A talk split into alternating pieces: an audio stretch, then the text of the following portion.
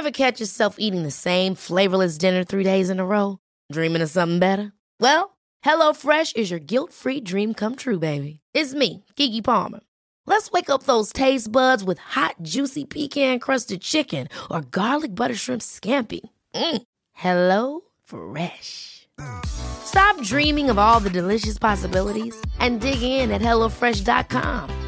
Let's get this dinner party started. Hey, it's Danny Pellegrino from Everything Iconic. Ready to upgrade your style game without blowing your budget? Check out Quince. They've got all the good stuff shirts and polos, activewear, and fine leather goods, all at 50 to 80% less than other high end brands. And the best part? They're all about safe, ethical, and responsible manufacturing. Get that luxury vibe without the luxury price tag. Hit up quince.com slash upgrade for free shipping and 365 day returns on your next order. That's quince.com slash upgrade.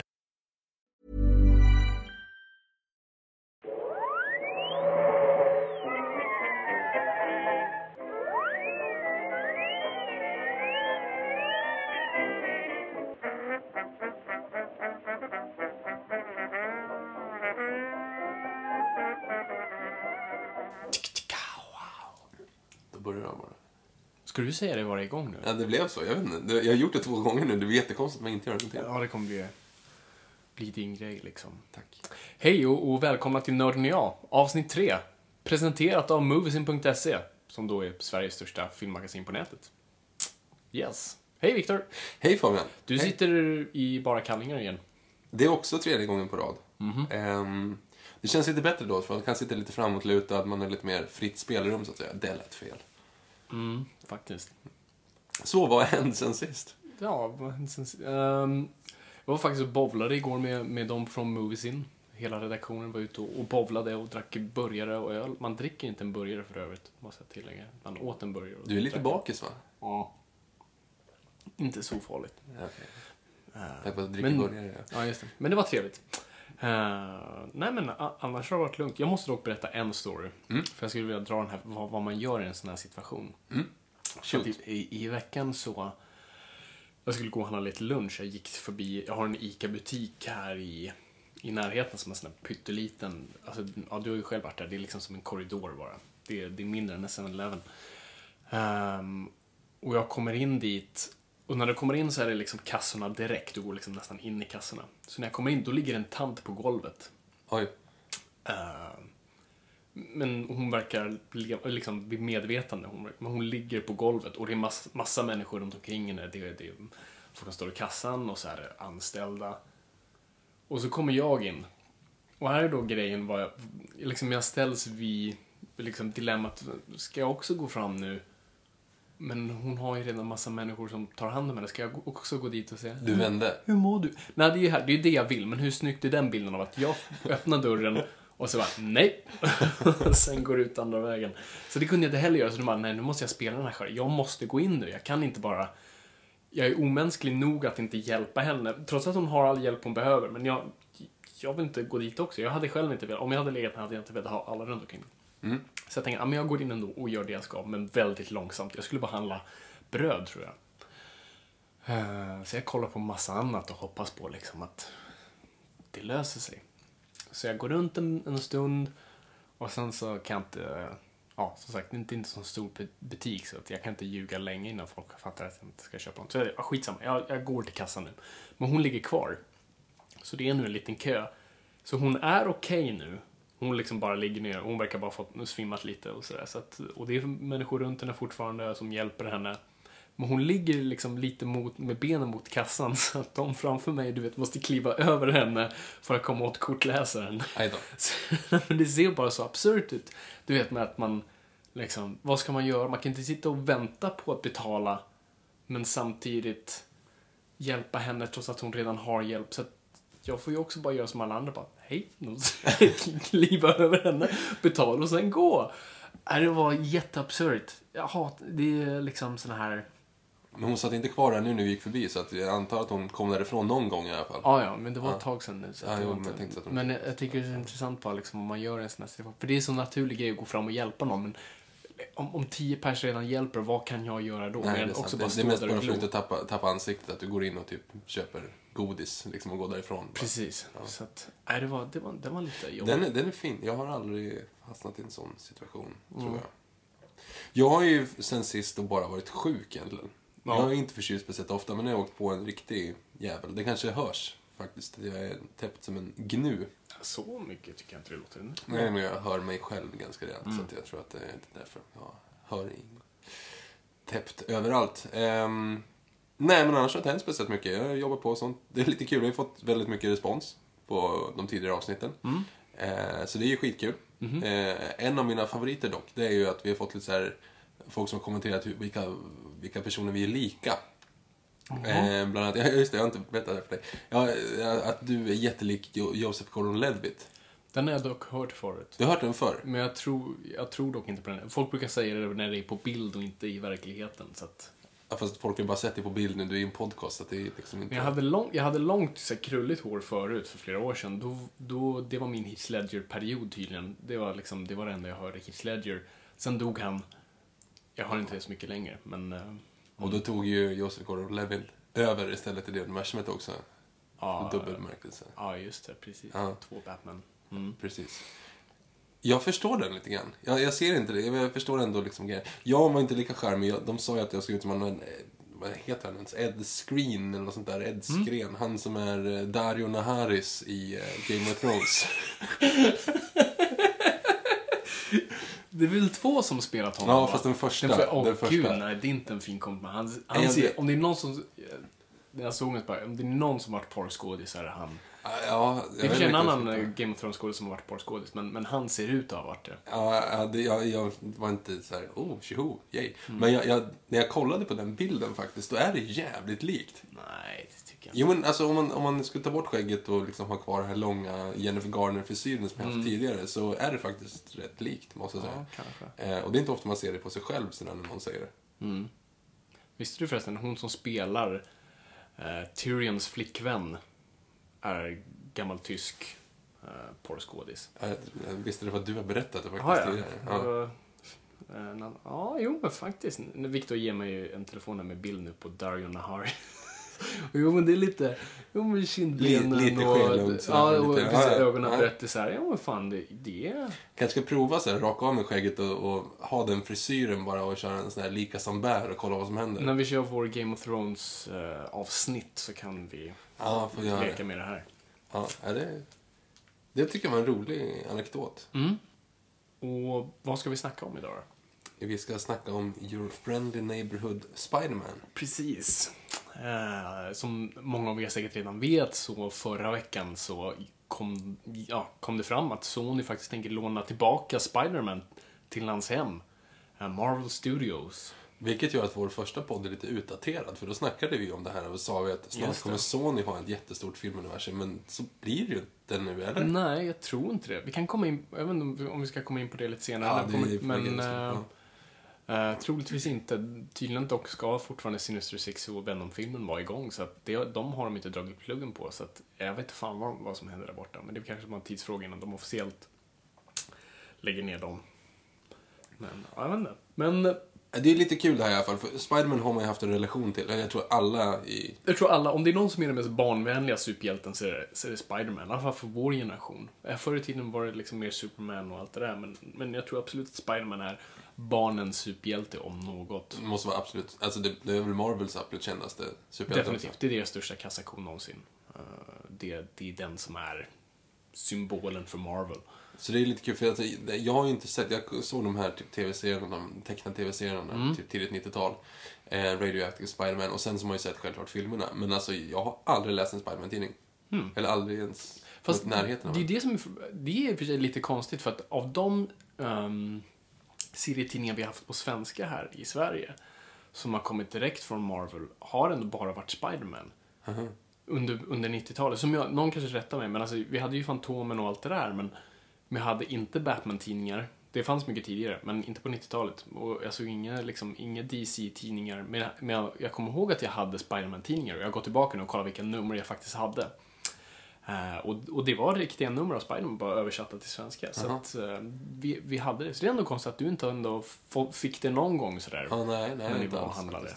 Hmm. Men man, alltså, det är ju lite sjukt ändå att det fortfarande är så pass stort. Alltså om man kollar på valfria leksakskedjor Mm. idag så är det ju fortfarande Spiderman. Spiderman är den största Dräkter, liksom, och- licensen som ja. de har. Alltså, mm, både, liksom, särskilt när det kommer till leksaker. Men du, vet, jag ser, du kan inte gå 10 meter i, i storstan i Stockholm utan att se en unge som har den här, du vet, Spiderman vintermössan. Du vet, som bara är, du vet, ögonen och toppen av huvudet på den. Så att, Lätt överdrift som jag förstår vad du menar. Ja. Jo, men de, jag säger dem hela tiden. De är, skitstora. Så att Spiderman är bland ungar är liksom the shit. Så, och det, är det är väl också där jag kommer... Jag, som, jag är ju ett Batman-fan först och främst och det är den superhjälten jag minns att jag kommer liksom träffar först via den tecknade serien. Eh, men det är väl inte långt efter jag även stötte på då Spider-Man, som också hade en tecknad serie. Betydligt lägre produktionsmässigt. Men var ändå jävligt trogen till, till tidningarna och origin story för alla liksom skurkar och sådär. Så att den ändå, den satte ändå en bra liksom pelare för, för vad man skulle se av Spiderman sen. Så jag var absolut förälskad i honom och hade sån här älskade såna här ritböcker, du vet, för att han var så enkel att färglägga. Det var rött och blått. Det var liksom perfekt, för det var ingen hudfärg, det var inget, ingenting. Det var bara så simpelt det bara kunde bli. Och man älskar ju skurkar som, som Lizard. Och det kan jag tänka mig att du gillade. Ja, ja, men det, jo, självklart. Victor, Ja, som jag pratade om tidigare, är enormt insatt i ödlor. Ja, det, det är mitt nördämne, så någon som har en nördpodd om ödlor så count me in. Hur gammal är han, Spiderman? Spiderman är... Oj, hur gammal är han? Han, han, han dyker upp 1962. Mm. Eh, I Amazing Fantasy. Nummer... Nu måste jag se, jag måste kolla så att jag, så jag vet att det är rätt eh, nummer. Ja, precis. Nummer, nummer 15 är det. Ehm, så han har ju funnits med ett tag. Eh, och börjar väl kanske inte riktigt som Marvels största satsning eller det räknas absolut inte vara en, någonting som ska slå. Det är inget de satsar på utan det är Stanley som sitter och ska fundera ut en ny superhjälte och han tänker, han, han påstår sig ha sett en fluga på väggen och bara ah, the fly. Och så bara, nej, det, det, det, den, sitter inte så bra. Så han satt bara liksom och liksom funderade på någonting som kan klättra på en vägg och så bara, Spider-Man. Det, är liksom, det lät bra tyckte han. Uh, så han funderar ut den då, en Spider-Man. Okej, men vad är det för någonting? Och så, och så funderar han ut en origin story. Och Marvel är inte alls intresserade. För att det Stan Lee vill göra här är nu en egentligen antihjälte. För att han vill göra Spider-Man till en ungdom. Inte en fullvuxen man. Han vill göra honom liksom vek och eh, opopulär och Och jag antar att det är helt, Mesig. helt nytt då i superhjältevärlden. Helt nytt. För Ja. att fram tills dess skulle det vara liksom en, en man i sina ja, 25-30 år, liksom i sin prime. Eh, med liksom kraftigt hakparti och snygg och, ja, men, och var liksom heroisk i sitt alldagliga liv oavsett om han hade dräkten på sig eller inte. Clark Kent är ändå liksom i de mer tidigare tidningarna i alla fall liksom en kraftfull man um, utanför dräkten. Så att um, det här var någonting som Marvel absolut inte var intresserad av. För att, så, vem, vill, vem vill läsa om det? Liksom en college, om ens college high school kille som inte kan få brudar och har glasögon och är bara en mes. Så att de vill inte satsa på den här. Så att de har den här tidningen som heter Amazing Fantasy där de publicerar lite så små stories och sånt där. Och de ska lägga ner den tidningen. Så Stanley kommer på att jo men om jag publicerar mitt första numret av Spiderman här så kommer ingen bry sig. Liksom, jag gör det här och så hoppas vi på att det slår och så eh, kanske det går bra. Ehm, så att han då tar sig an eh, den nu väldigt stora illustratören Steve Ditko för att då illustrera Spider-Man. Och det är här vi bara måste komma, alltså om vi bara tittar på den här, om liksom alla där man bara googlar fram en bild på Spider-Man och bara tittar, liksom, och du nu Victor, titta bara på den här dräkten. Hur jävla weird den är. Okej. Ja, men egentligen, om du bara tänker på det, ingenting ser ut sådär. Liksom, om du tänker i kontexten av... Ja, nej, nej, du menar som en spindel menar du?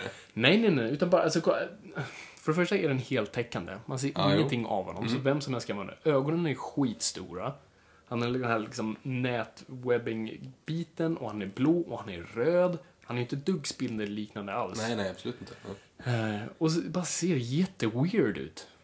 Eh, för, eh, fram tills dess, alltså superhjälte är ju byggt på den här gamla cirkus strongman-arketypen av att, du vet, boxerna på utsidan och bältet och, och allt det där. Det var ju det så, och så en mantel, vet. Och manteln var ju oftast konstruerat så att det var lätt att visa fart i stillbilder. Så man såg om någon, om Superman sprang så såg man att manteln fladdrade.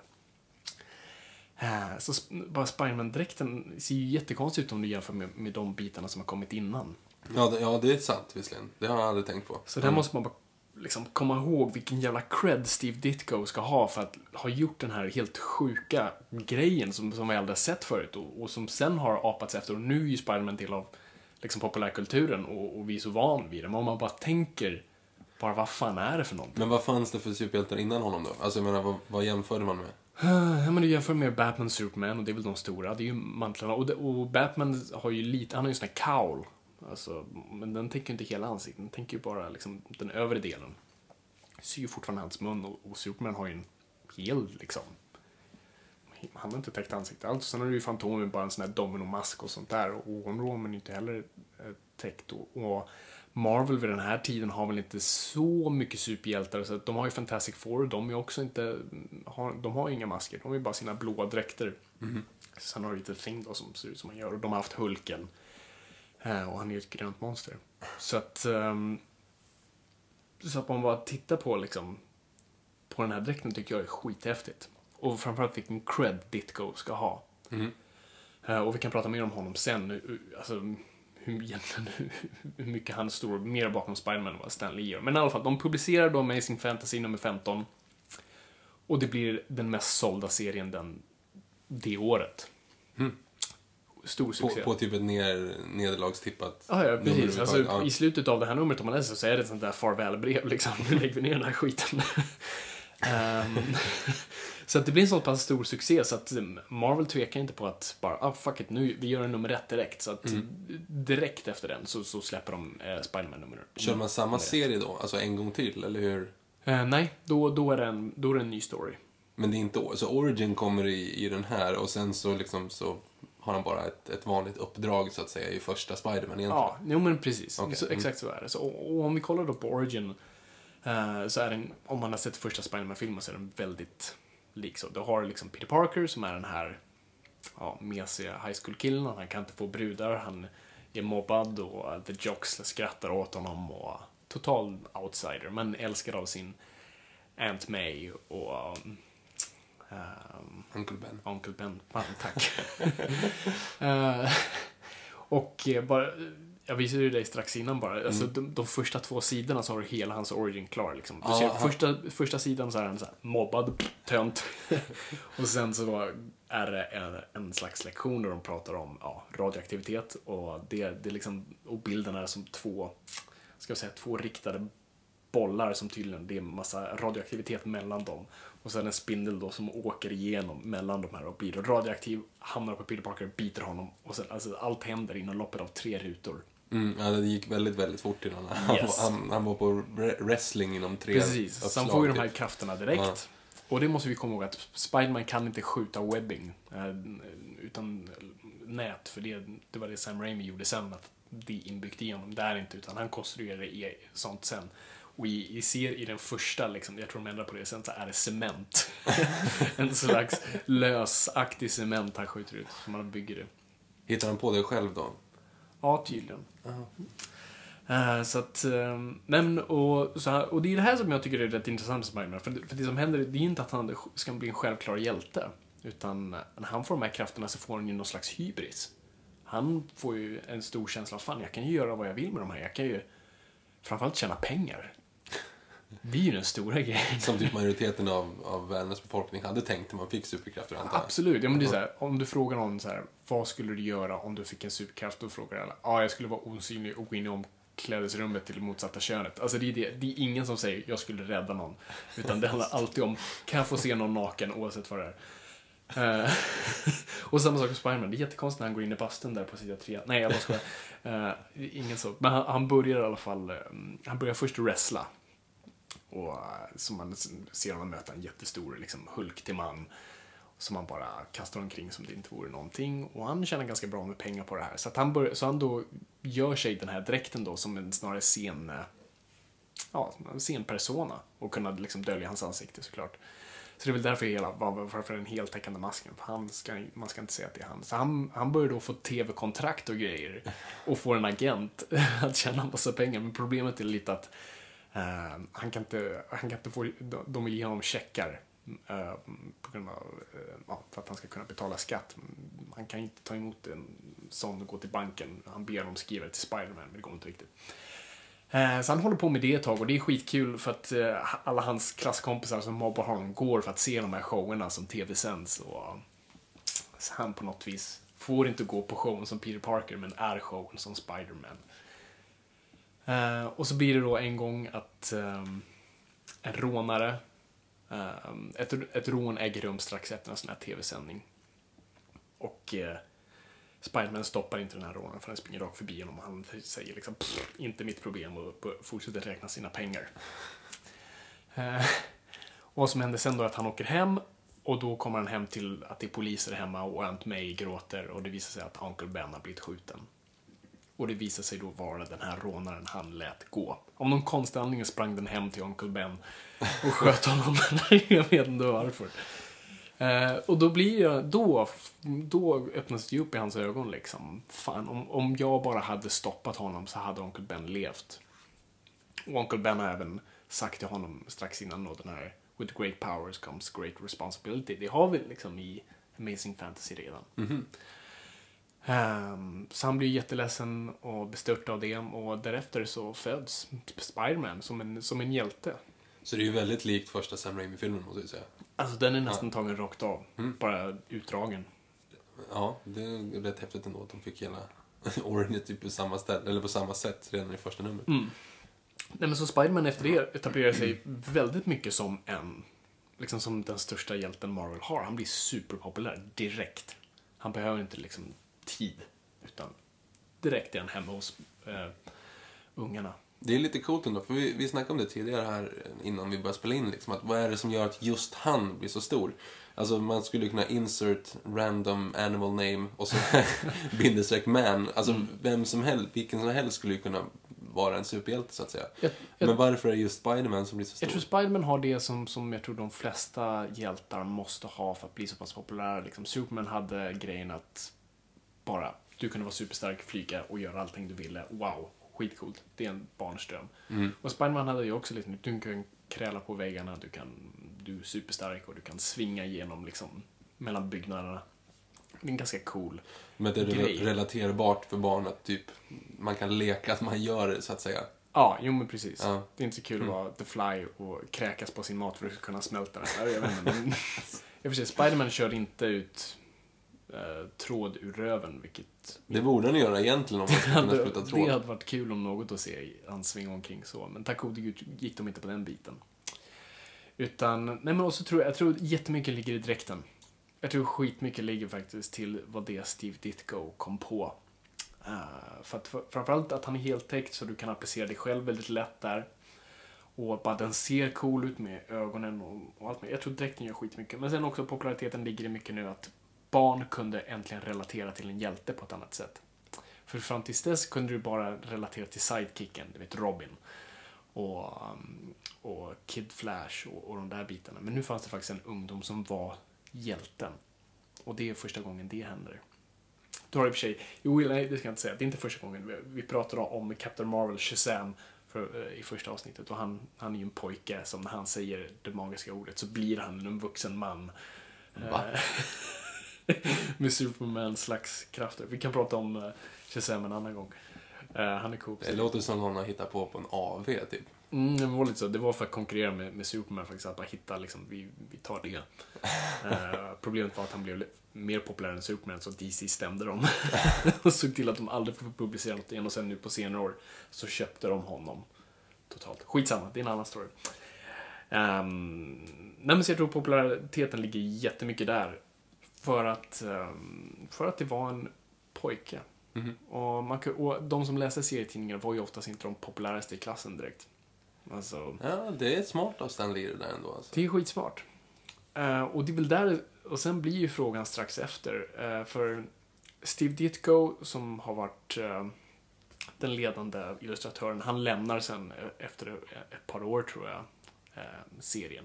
Och han har ju varit en, alltså egentligen den stora drivande kraften. För Stan Lee använde sig av, och så många gjorde på den tiden, vad man kallar Marvel method. När det kommer till att skriva serier. Det man gjorde då var, eh, som Stan Lee då gjorde, han tog, han hade liksom, jo men i det här avsnittet ska eh, Spider-Man slåss mot Sandman. Och så, det är det enda han ger till illustratören. Mhm. Och så får då Steve Ditko eller eh, Jack Kirby eller vem det nu var sitta och, och rita den storyn. Och sen kom, och sen gick liksom um, Stan Lee tillbaka och sen bara la in pratbubblorna. Bara skrev, ja men det här ser ut att hända den här scenen. Så skrev han en pratbubbla. Det var inte mycket till kreativ process det där. Nej, inte riktigt. Men på så vis kunde Stan Lee skriva alla serier i Marvel. så, Och då, så att han kom inte ens på någonting om storyn i, till att börja med liksom. Han Jo, bara jo alltså, det. absolut. I, första, I de första så, så var han väl en Ja, mer... okej, men, ja. men ju längre tiden gick, ju mer tog Steve Ditko över. Och det sa Stanley själv sen bara, ja, men till slut behövde jag inte göra någonting. Han gick iväg och gjorde, sen fick jag det tillbaka och så bara gissade jag vad som hände.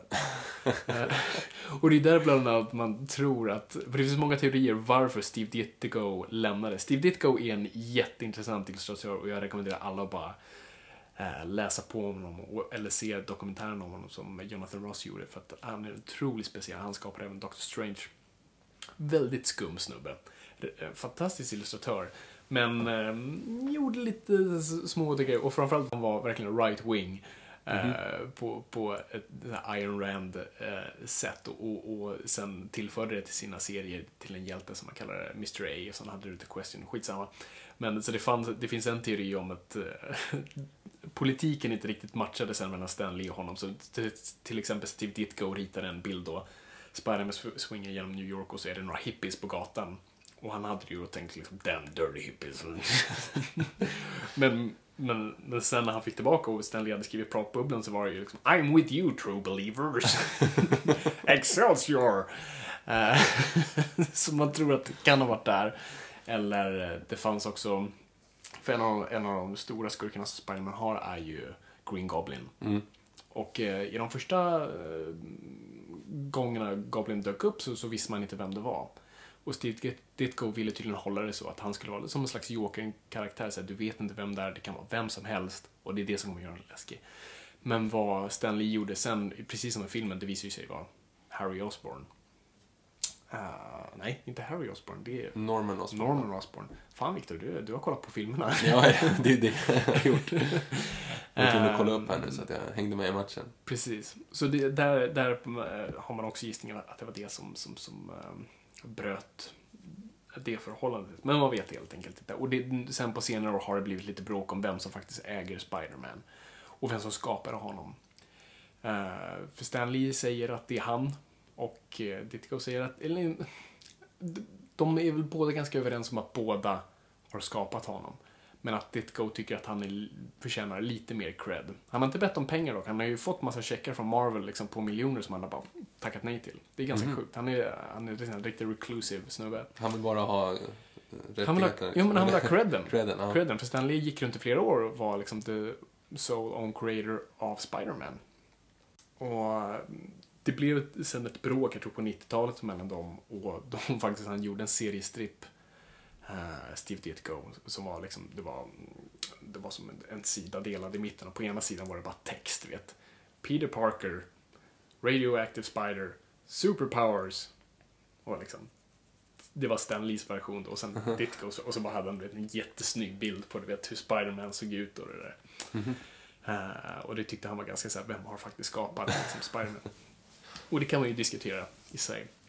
Men Steve Ditko lämnar sen i alla fall efter några år och, och John Romita tar över en, en annan illustratör och gör Spider-Man mer, ja, men lite mer macho, lite liksom biffigare, lite snyggare framförallt. Vad John Romita är väldigt känd för att göra snygga människor, framförallt kvinnor. Och det är där Mary Jane dyker upp. För att det som händer, som också är vä- väldigt viktigt i Spiderman mythos är ju Gwen Stacy. Och för er som har sett Amazing Spiderman 2 eh, vet ju vad jag pratar om och för den är ju väldigt trogen till. I alla fall slutet är väldigt trogen till, till serien och vad som händer är att eh, Green Goblin är på The Brooklyn Bridge då och har tillfångatagit eh, Gwen Stacy som då är Peter Parkers flickvän. Och han eh, släpper henne nerför bron. Och Spiderman försöker då fånga henne genom att skicka ut en webb. Och lyckas fånga henne. Men i den processen så bryter hon nacken.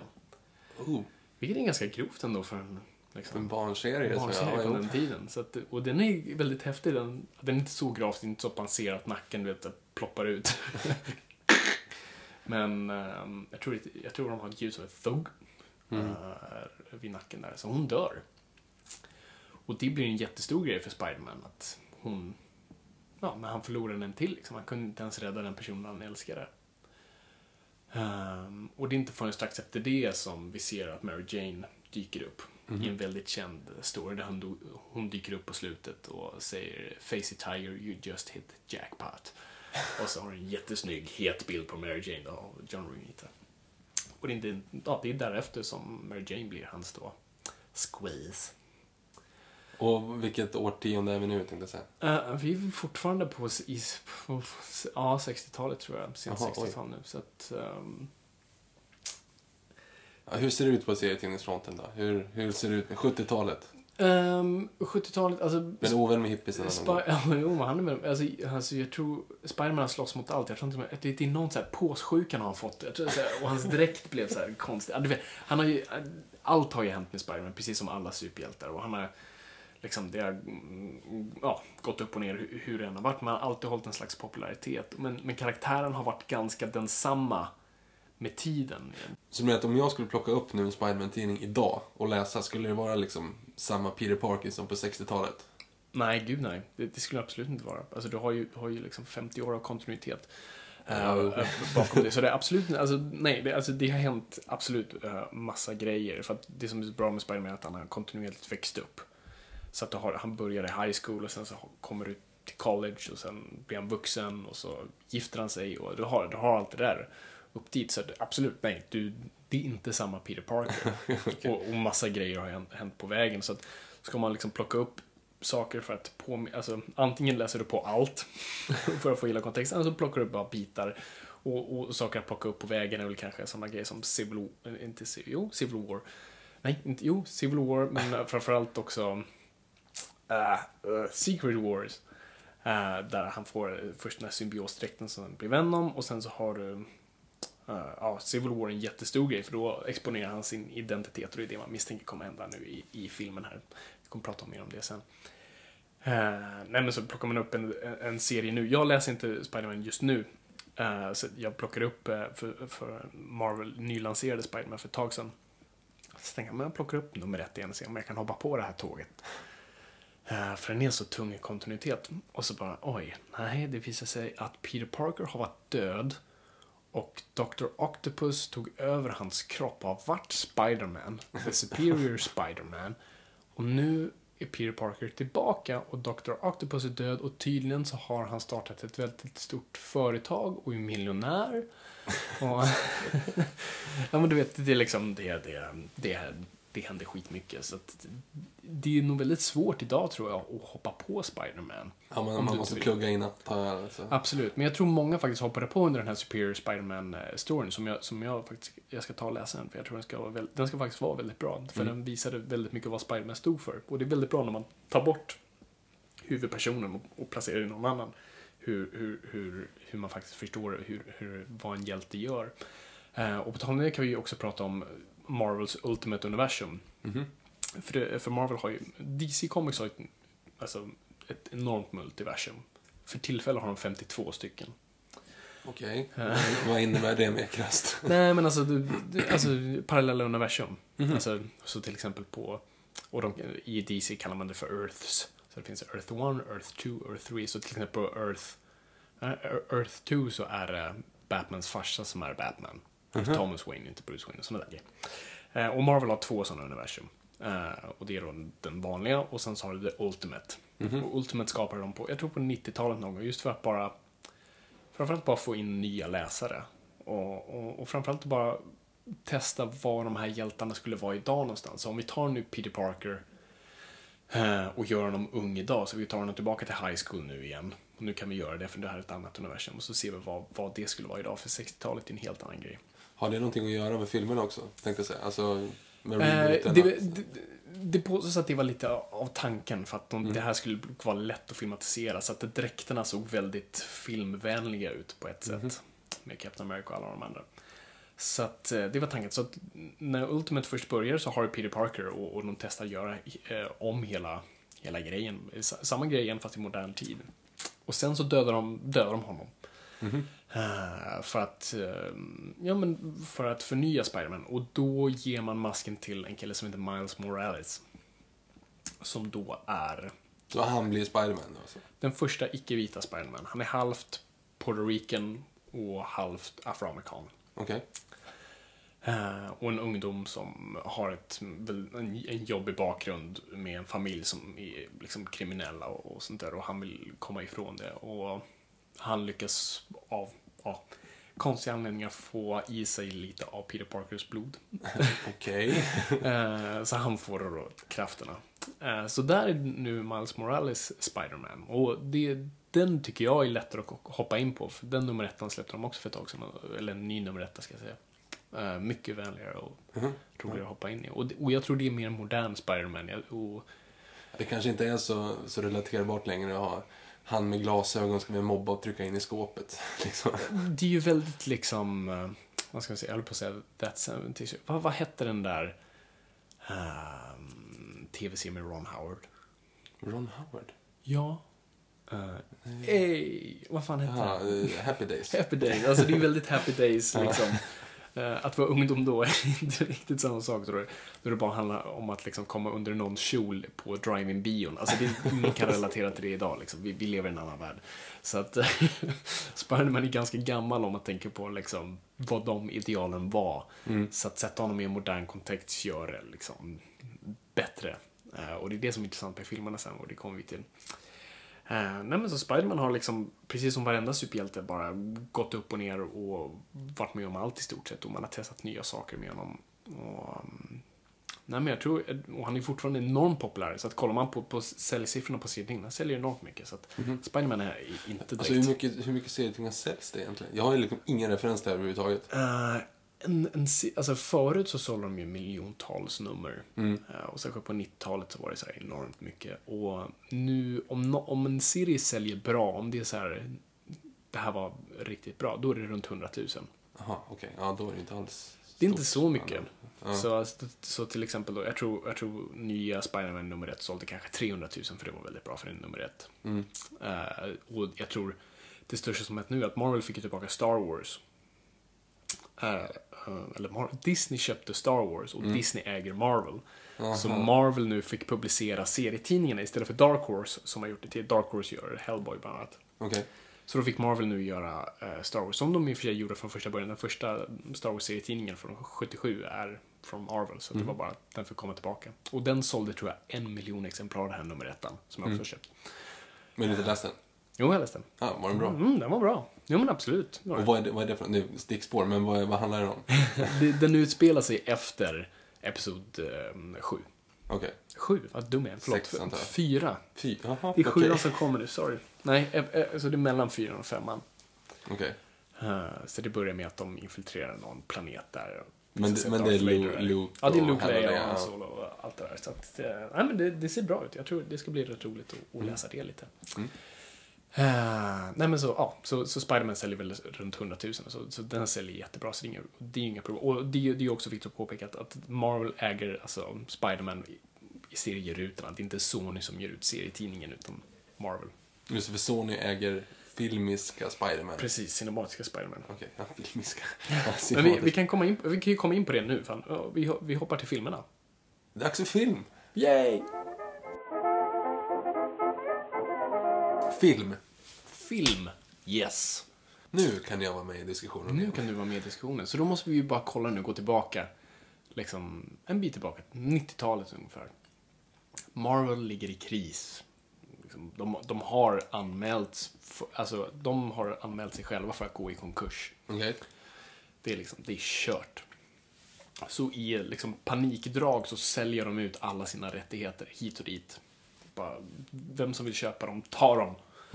Och säljer mm, liksom billiga karaktärer som Blade som sen blir film och sånt där. Ehm, och Spiderman blir ju såklart någonting de, de, de säljer. Hur mycket kostar han då? Åh, vad var det? Det var så här.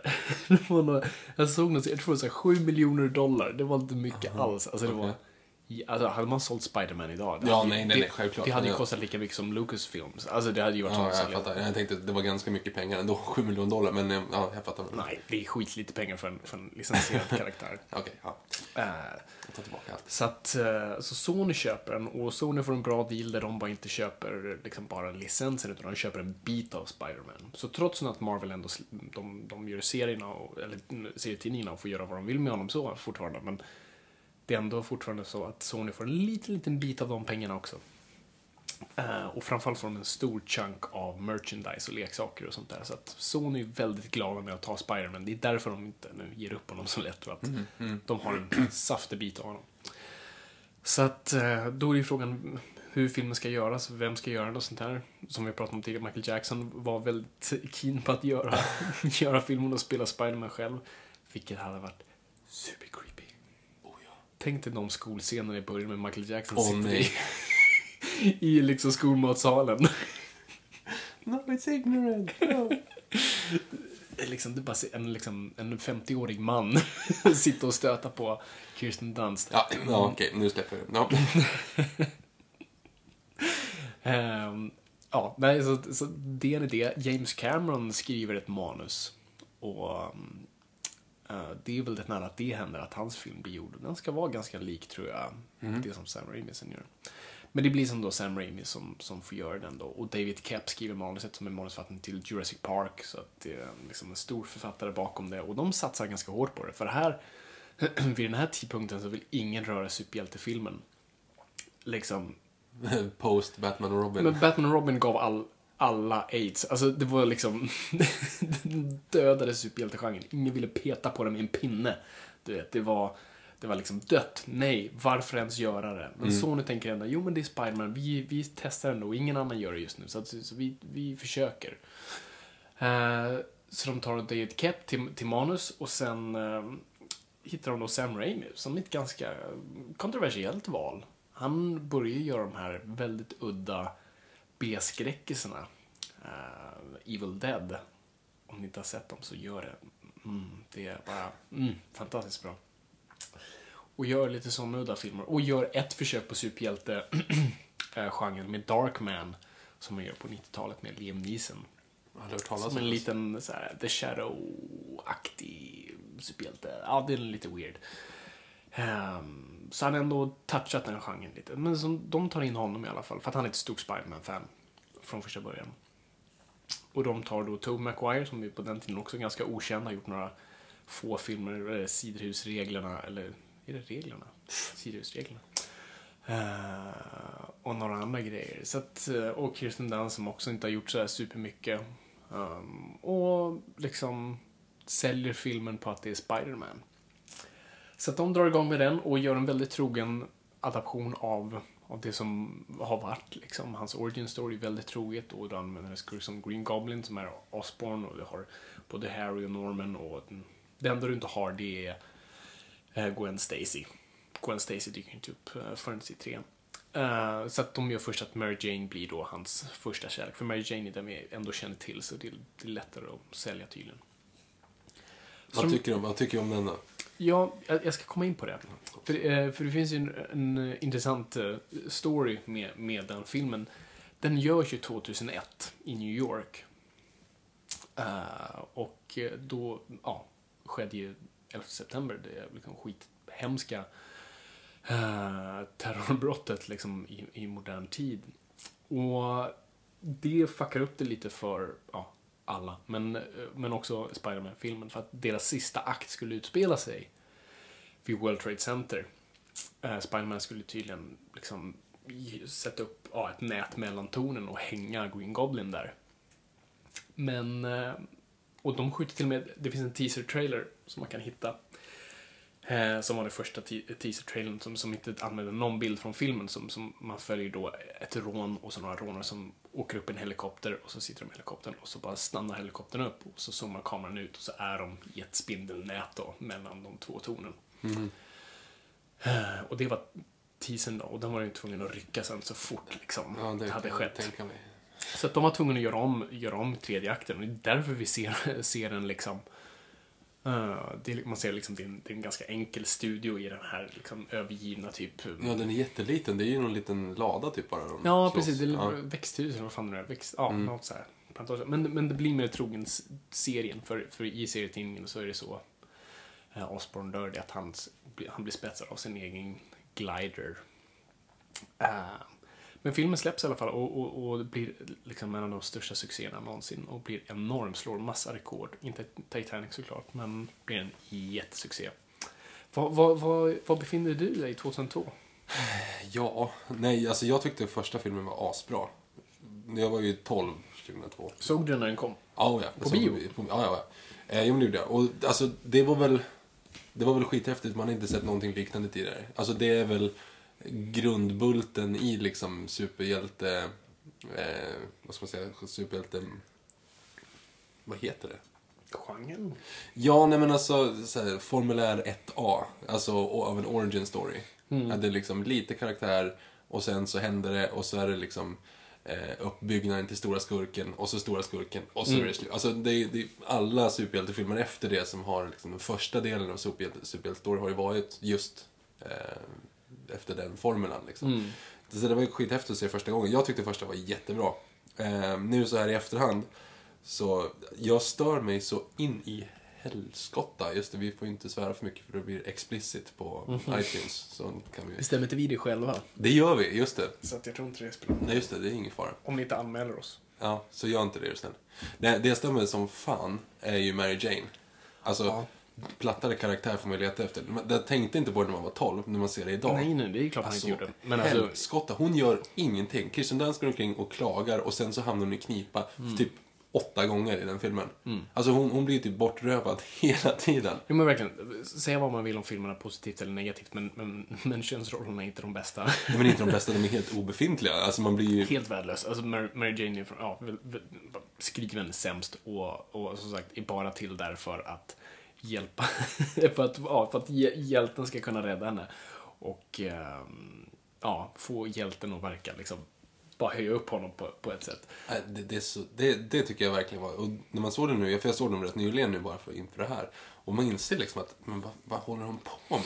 Är det här, Var det här ens okej? Och det, det är ju inte ens bra. Alltså visst att om man, skulle, om man nu skulle stryka allt vad liksom PK heter och bara försöka liksom titta på hur bra filmen är så förstör det ju bara. Man förstår ju inte ens varför, varför, ska, varför han kär i henne och varför hon kär i honom. Det är hon ju inte i första filmen. Men ändå, det är ju liksom, man, man blir bara helt störd. Ja, ja, nej, men helt klart. Nej, jag, jag håller helt med. När, när den filmen, jag såg inte den på bio, vilket är konstigt. Jag försöker tänka tillbaka på varför jag inte såg den på bio. Jag kan inte minnas. Det enda jag kan tänka på är att på den tiden var det Sagan om ringen craze Ja, just det. luften, så då var det säkert Fuck you superhjältefilm, jag älskar ringen. Eh, och det var det enda man levde för då. Så det är det enda jag kan komma på. Men jag kommer ihåg, jag fick låna den av en kompis på VHS. ehm, och såg den och var, blev då, fick en ny kärlek för Spiderman jag, jag, jag länge mm, förlorat. Så att jag tyckte också det var hur grym som helst och framförallt bara effekterna var ju så coola då. Nu är de ganska utdaterade men, men då var de skitballa och den, den gjorde exakt det det ska vara. Det ska liksom, man, man sätter sig in där och får se hur Spiderman skulle existera i den riktiga världen. Uh, och det är ascoolt. Uh, men som sagt, tittar man på den nu, mm, inte en av de bättre filmerna. Den är liksom, det är, det är väldigt mycket en high school-film. Så den, den lever väldigt mycket på den här 90-tals 90-talsvågen eh, av high school-rullar och ungdomsvågen av liksom Beverly Hills 5210 och vad de nu heter och, och American Pie. Alltså det var ju väldigt mycket ungdoms ungdomsmaterial med Buffy och allt det där. Så det var, allt handlade så mycket om att få high school-ungarna. För det är ju de som sitter hemma och kollar på TV. Och jag kommer ihåg det som en bra grej, alltså när jag såg den första gången, att man, att man kunde, som du säger också, identifiera sig med den. Um, nej, jag tyckte den var, jag, jag tyckte verkligen då att den var riktigt bra och att den var riktigt häftig och allting Och sånt. så har ju åh vad heter de som gör låten till Spiderman? Som är sämst, vad fan är det? Jag vill säga Leila K, men det är det inte. Nej, nej, du tänker på Macy, eh, Macy Gray, eller vad heter hon? Ja, oh, Macy Gray. Men det är inte hon jag menar. Jag menar det här bandet som gjorde låten till som är sämst. Men hon, men, men Macy, hon, Ja, hon är med i låt- filmen, men ah, hon har okej. inte gjort någon låt till eh, filmen. Tänker du på Anna Johnson och Nej, jag tänker på Excellence? ett band av snubbar Aha. som låter som... Nickelback. Nickelback. Know that a hero can save us, Ja. not gonna... Det låter som din flakmoppe har fått liksom soppatorsk. Det, det är det. Det. Sorry Nickelback-fans, men förlåt. Det går inte. Um, de så, så den riktar ju sig till ungdomar Ja på, på så vis och, och lyckas väldigt väl. Men ja, alltså jag, nu när jag ser tillbaka på filmen, nej det är inte en liksom, stark rulle på så vis, men den har sin charm. Och jag gillar att den går tillbaka till det liksom Stan Lee och Ditko gjorde 1962. Och den har någon slags väldigt nostalgisk känsla och, och håller sig tätt till materialet. Men jag måste bara, vi måste prata Green Goblin också för att det, det är ju någonstans, du, du tar liksom en av de liksom bästa, största karaktärsskådisarna av vår tid, Willem Dafoe, som ser ut som ett jävla troll. Men vad gör du? Du sätter en skidhjälm på honom med en ful jävla skynke framför munnen och liksom... Ser för jävligt ut. Du skulle ju bara målat honom grön så hade det fungerat. Du hade inte ens behövt måla honom. Men ändå har den här, åh, det, den skurken blir fan inte bra. Jag älskar den scenen när de är på hustaket. Ja. Du vet när de står och snackar och han Ja, står och chillar lite grann och hänger lite, lite Och det ser jättefel ut med den dräkten. Och det roliga är nu när man tittar på dem i HD så har de det här lilla skynket de har för munnen. Uh, det tänkte de inte nog på. Man ser ju faktiskt Willem Dafoes mun under där. Gör man? Mm. Och det roliga är att i många scener så ser man då att de har dubbat annorlunda och att det inte är i synk med det munnen gör. Och det ser bara, ah, det ser hemskt ut. Och man ser att han, hur han du vet, jobbar under den där masken och du vet, inget kommer fram förutom den där rösten. Ah, nej, det är, nej, det är sådär. Och, och ehm, ja, nej, nej. Nej, det, det är inte så jättebra. Men, men det funkade då. Den funkar ju då och den satte upp så att den skulle liksom, det här ska bli fler filmer för du har ju liksom nästan en liten cliffhanger på slutet. Och, ehm, ja men den verkligen, den, den, den vill vara den här succén och den blir den succén och nästa rulle kommer inte långt efter, jag tror 2004 kommer den. Mm. 2004, 2005, Spiderman 2. Eh, och ja, det är, inte, det är samma team igen liksom. Det är inte David Kep längre som skriver utan de tar in några andra manusförfattare och Sam Raimi är tillbaka med Tobey Maguire och allt det där och de gör en, en fortsättning helt enkelt. Men Nu- den tycker jag är ganska bra dock. Den tycker jag är grym. Liksom, om man ska ha liksom, Mount Rushmore av superhjältefilmer så är den uppe där med liksom, Dick Donner Superman, um, Nolans Batman och, och så är den där tycker jag. Jag tycker den är alltså grym. Alltså, så bra vet jag inte om jag tycker att den är, Ja, men jag förstår. vad jag den. Jag tycker Ja. den, den, den behåller fortfarande de här nostalgiska bitarna liksom, från det gamla men, men är fortfarande uppdaterad och, och liksom har ett stort emotionellt grund att stå på, vilket så få har. Det liksom, du känner verkligen att saker står på spel, bortsett från Mary Jane, hon kan dö. Men emotionella saker står på spel. Eh, och de har en bra skurk, som ännu en gång är ett misslyckat experiment, men som ändå nu har någon nästan liksom Shakespeare-aktig tragedi bakom sig. Och, och ett motiv som, som grundar sig i bara liksom psykisk ohälsa och, och förlust. Eh, och det blir en väldigt bra mix på så vis. Um, så jag tycker jättemycket om det. Och här också blir effekterna bättre och också bara hur, hur Spiderman rör sig rent fysiskt blir bättre. Det blir mer grundat liksom. I första är han lite väl plastig. Nu försöker de faktiskt göra något bättre. Så actionscenen är ju fantastisk. Den scenen på tåget är bland det bästa jag sett tror jag. Oj. Tittar ja. du på den nu så är den fortfarande skitbra. Fast jag tycker, ja... mm, Nej. Nej, ja, jo men visst, men jag vet inte om det är det bästa jag sett. Så jag tycker nästan att den, när han är upp, klättrar upp på klocktornet där, är snyggare i så fall. Mm. Ja, det okej. Ja, Alltså, för alltså, nu blir jag lite störd på sånt, men det här att han typ så här ställer sig framför tåget och stannar det liksom. Ja, jag, ja, jag, ja. jag tror att jag har lite problem Det, med jag tycker det är en sån här härlig liksom, Superman moment. Jag gillar det. Det är inte den biten jag tänker på nödvändigtvis, utan jag menar själva actionscenen. Jaha, han han- kastar folk där. Ja, kastar folk Mm. och det är liksom de krälar runt vagnen och i vagnen och liksom nere på gatan. Det är så, så högt liksom tempo. Och um, den här filmen vinner ju också Oscar för bästa specialeffekter. För det, jag tror den första filmen som använder sig av så face replacement som vi är ganska vana vid nu. Att man faktiskt motion capture någons ansikte. Så de gjorde, ja framförallt Alfred Molina då, som spelade Dr. Octopus.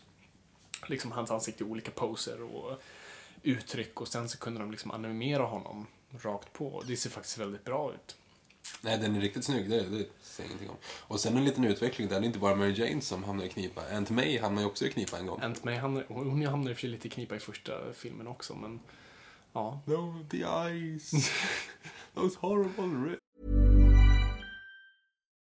Life is full of what ifs. Some awesome, like what if AI could fold your laundry?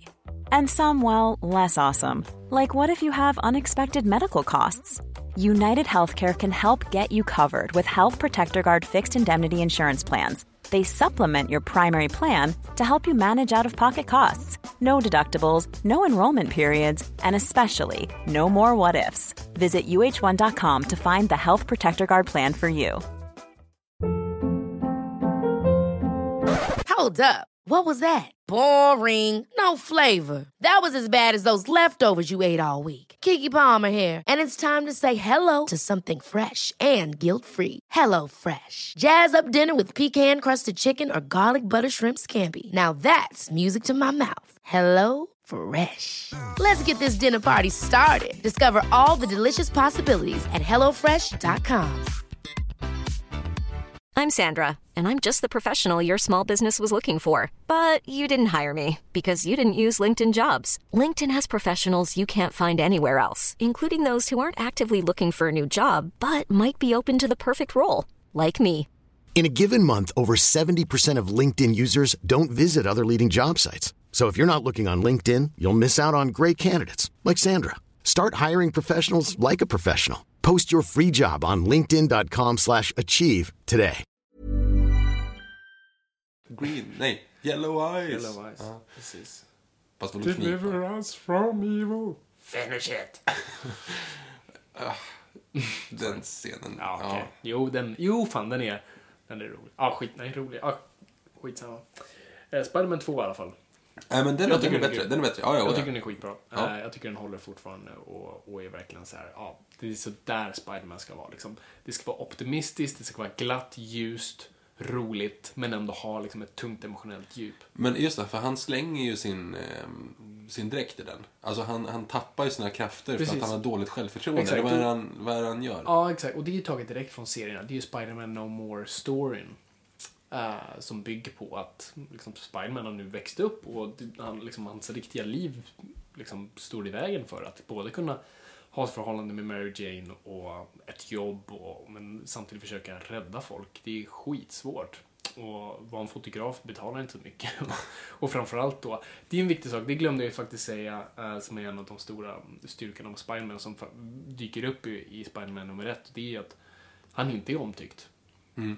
Han är inte en hjälte som alla står och hurrar på gatan utan du vet, pressen är efter honom med Jonah J. Jameson. Och folk vill ha honom bakom lås och bom. He's a menace, eh, som, som oftast nämns. Eh, och det uttrycks ju väldigt mycket i de här filmerna. Och, och, och det är det som också, både i serien och i filmen, sen är en anledning varför han bara, fan jag pallar inte det här längre. Liksom. Ingen vill ändå ha mig, eller etablissemanget vill inte ha mig. det, ja. Eh, det är ju några sådana scener. Det är ju väldigt, vad ska man säga, nu låter jag som värsta douchen här, men väldigt enkel typ av filmskapande i det är några av scenerna i alla de tre filmerna som är det. Alltså man ska uttrycka en känsla. Alltså till exempel i Spiderman 2 då han är glad. När solen skiner och de kör Raindrops are Ja, falling precis. on my head och han springer omkring och bara ler. Liksom, och så jätte, han svarar rätt på alla frågor på lektionerna och han liksom gör allting bra. Allting studsar bara rätt för honom. Det är det, jag vet inte, jag bara gillar det någonstans. För att jag vet att det är Sam Raimi som och Sam Raimi har alltid lite glimten i ögat. Och jag gillade den biten hos honom, för han har alltid någon slags... Det är alltid leende på, på de grejerna. Även i Evil Dead när det liksom handlar om ganska grova scener så är det väldigt mycket humor han använder sig av. Och, och jag gillar den biten, och han verkligen bara trycker på lyckobiten. För det får också saker att kännas lite fel. så liksom, det här vill inte jag se. Och det är ju väldigt bra sätt att liksom, hur du på objektiv nivå kan liksom känna så här, nej men det här, han är glad och det ska vara glatt, men den här bilden fungerar inte. Jaha, du menar så. Ja, okej då. Jag kanske lägger för mycket i det, men jag tycker, eh, nej, Nej, jag, tycker, jag tycker den fungerar. Det, absolut, det finns några få felsteg där. Definitivt Mary Jane än en gång liksom, får inte bara vara en karaktär utan bara en plottpunkt. Ja, det är ingen person i alla fall överhuvudtaget. Nej, nej, nej, nej, nej. Så, och det tror jag, alltså Kirsten Dunst är en bra skådis. Ska vi komma ihåg ändå. Vi, vi, många hatar ju henne nu och det är ju tack vare Spiderman-filmerna. Men hon hade ju ändå gjort liksom Virgin Suicides och... Marie Antoinette hade de gjort det va? Nej, hon gör dem kanske mitt i, någon, så här mellan tvåan och trean tror jag. Precis, Marie Antoinette är hon väldigt bra i. Och, och, vad heter den där? Melancholia. Nej, ja, det är ju senare. Mycket bra också. Vi kan tänka på den med Brad Pitt och Tom Cruise, en intervju med en vampyr, vad fan heter den? Ja, just det. Confessions of a Vampire. Den såg jag i lördags. Mhm. Den är faktiskt jävligt bra. Jag tycker också jag tycker Den heter inte Confessions, den heter Interview va? Den heter det på svenska, men det är nog Confession. Vad fan är det? Skitsamma, ni vet vilken det är. Men det är ju långt innan, då var hon ju typ 12. Ja, ja, ja, Ja. verkligen. Men hon har i alla fall varit bra. Det är Mm. det jag försöker säga. Ehm, ja, men hur som helst. Den här filmen blir en jättesuccé. Ehm, som den första, bara ännu mer. Och skitstor och jättemycket pengar och jättemycket rekord och jada, jada, jada. Så det är väl ett ganska stort ja på att köra nummer tre. Yes, den sucken. känner vi nog alla. Jag tror jag aldrig varit så taggad på en film förut som, som när den var på G. Konungens återkomst. Uh, nej. Då Oj. hade min ändå mm, craze för Sagan om ringen gått ner. Jag gick absolut och såg den och jag, jag var taggad så, men det var inte så här, oh, oh my god. Du var ju på premiären och du satt ju... Vadå, Dark Knight Rises då? Ja, Dark Knight, ah, ja, det är mycket senare. Okej. Absolut. ja inför den. Okej, ja. ja då köper jag den. Ja. Ehm, så jag var så jävla... Jag hade sett, trailern såg bra ut. Vi visste att Venom skulle vara med, som en av mina favoriter. Eh, och, och Harry Osborn skulle nu bli Hobgoblin. Ehm, och allting såg bara ut att vara så här skitbra. Så här, nu kommer det bli mörkt. Och, ja, men det, ser, ja, det ser skitbra ut. Och den svarta dräkten, jag kan inte vänta. Får man sätta ner? Eh, och, jag, och jag går på premiären, liksom köper biljetter. Ehm, och um, sätter mig i biografen och liksom, mm, perfekt, nu, nu kör vi igång. Och filmen kör igång och bara, ja, grymt bra. Den, den, den börjar ändå rätt bra liksom. Och så Sandman där, jo men Sandman han, han han är inte min favorit men ja, ja, det var en bra scen den. Han, han blir Sandman, okej. men, okej. Så bara, mm. Och sen så, jag, jag tror jag aldrig sen dess och innan har bokstavligt talat alltså gapat i en biograf öppet och verkligen så här och typ tittat på folk bredvid mig att jag känner bara, ser vi på samma saker? Vi, vad, vad händer? Och framförallt då dansscenen när Peter. Parker blir emo och kör sin Saturday Night Fever-rutin. Ja, den, är- den, är för, jä- den scenen är riktigt dålig faktiskt. Det är för jävligt. Nej, det är, det är som man bara... Nej, Jag, jag satt verkligen och gapade och bara, och bara såg hur någon... Alltså det var som att liksom titta på en bilkrasch hända i realtid. Alltså, nej, det var traumatiskt på ett sätt. Och nej, det gick inte att gilla den. Alltså, det var bara... Den, den är riktigt dålig Den faktiskt. är det, det är bara ett stort mischmasch av allt. Alltså, frå, nu... Jag vet faktiskt, är det för att de vi- visste att det var den sista, att de bara ville trycka in allt de hade för att de ville göra typ Sandman och de ville göra Hobgoblin, de ville bara... vi kommer inte få göra en till film som måste göra allting samtidigt. De så här. ville göra fler och det var tanken på att göra en fyra. Så att, eh, det tror jag inte. Jag tror det bara, alltså här, det är svårt att hitta en skyldiga i det här men alla har ju pekat finger på varandra. Sam Raimi har ju sagt att så här, men producenterna satt sig för mycket tydligen och, och, och styrde mer än vad de borde. Och just krävde att ha de här skurkarna. För du skulle ju ha Harry Osborn, det var ju ganska självklart för Ja, honom men- har vi byggt upp i Ja, två han har ju varit filmer. med i två filmer så det är inte så konstigt. Eh, Venom, en liksom, fanfavorit. Mm, makes sense. Och sen Sandman av någon konstig anledning. Det är det som är så konstigt på, på ett sätt. Sandman känns inte att höra hemma i den filmen. Han är egentligen den bäst skrivna. Men det märks att han nästan behövde en egen film själv. Ja.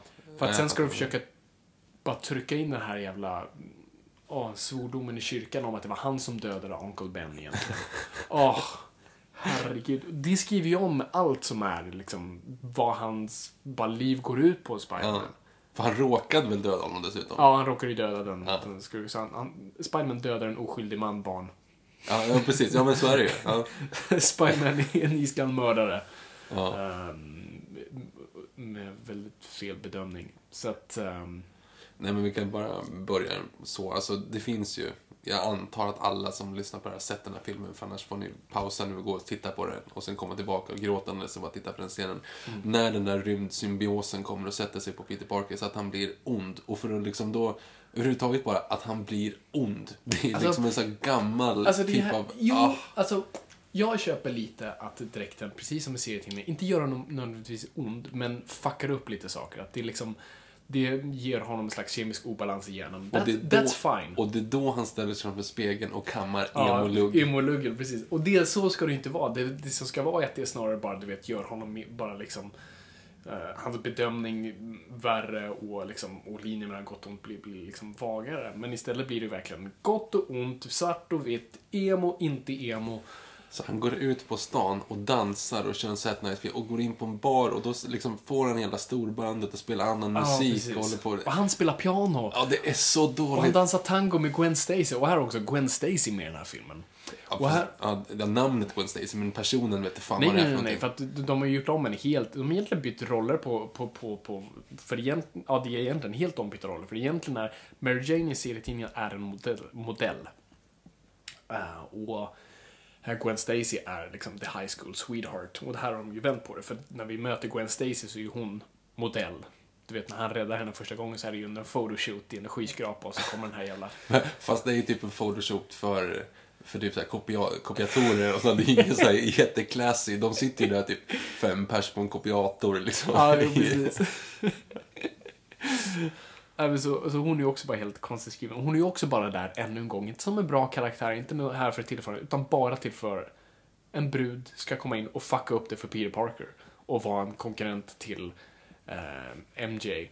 Att jag, ja, jag, jag hade till och med glömt bort att hon var med i filmen. Helt seriöst. Det helt... Ja, nej, det är bara, allt blir bara fel med den filmen på alla sätt och vis. Jag kan, alltså det enda som är någorlunda bra med den, det är väl vissa liksom actionscener. Och så den scenen med Sandman då han, du vet, vaknar upp som Sand för första gången är ju väldigt fin. Den är nästan fem minuter lång den scenen, hur han försöker bygga upp sig själv och hålla i det här halsbandet som är hans dotter. Och väldigt snygg och emotionellt laddad. Och det var det man ville se liksom, att filmen var. Men det finns ju inte. Och sen har den här jävla, han som spelar Brock då som blir Venom. Just han, Spelas av han som är med i That 70 Show. Precis, och nu senast Interstellar liksom har väl nu blivit bättre, men alltså bara använda honom, alltså den karaktären ska ju vara liksom the biggest jock, liksom. Han ska vara stor och liksom hotfull och anti Peter Parker. Och så hittar du någon som ser typ ut som Peter Parker och vill göra exakt samma sak som Peter Parker.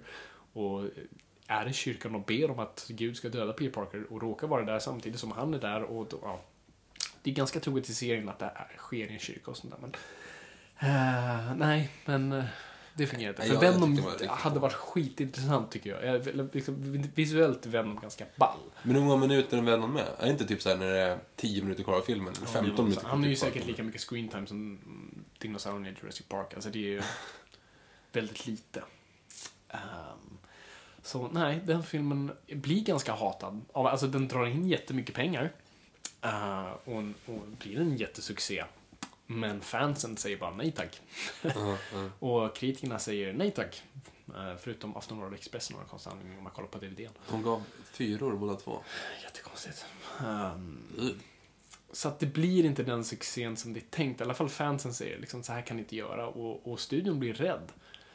Eh, de tänker göra en fyra ganska länge. Och det finns liksom produktionsbilder på nät man kan hitta på då de, de tänkte köra Lizard. Och Det såg rätt intressant ut, de bilderna som finns där. De ser mycket obehagligare ut än man gjorde sen i, i rebooten. Nej men så, så de bommar igen fabriken liksom på det som var Sam Raimi-filmerna. Vilket var så synd, för jag hade velat fortsätta se det.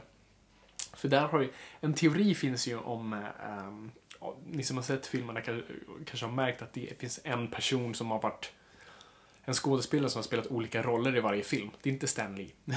jag, tänkte, jag tänkte säga det. Jaha, nej. Utan eh, en, en skådespelare som heter Bruce Campbell som är lite av um, Sam Raimis musa. Eh, för han var med i hans första Evil Dead och de som är Evil Dead-fans vet vem han är.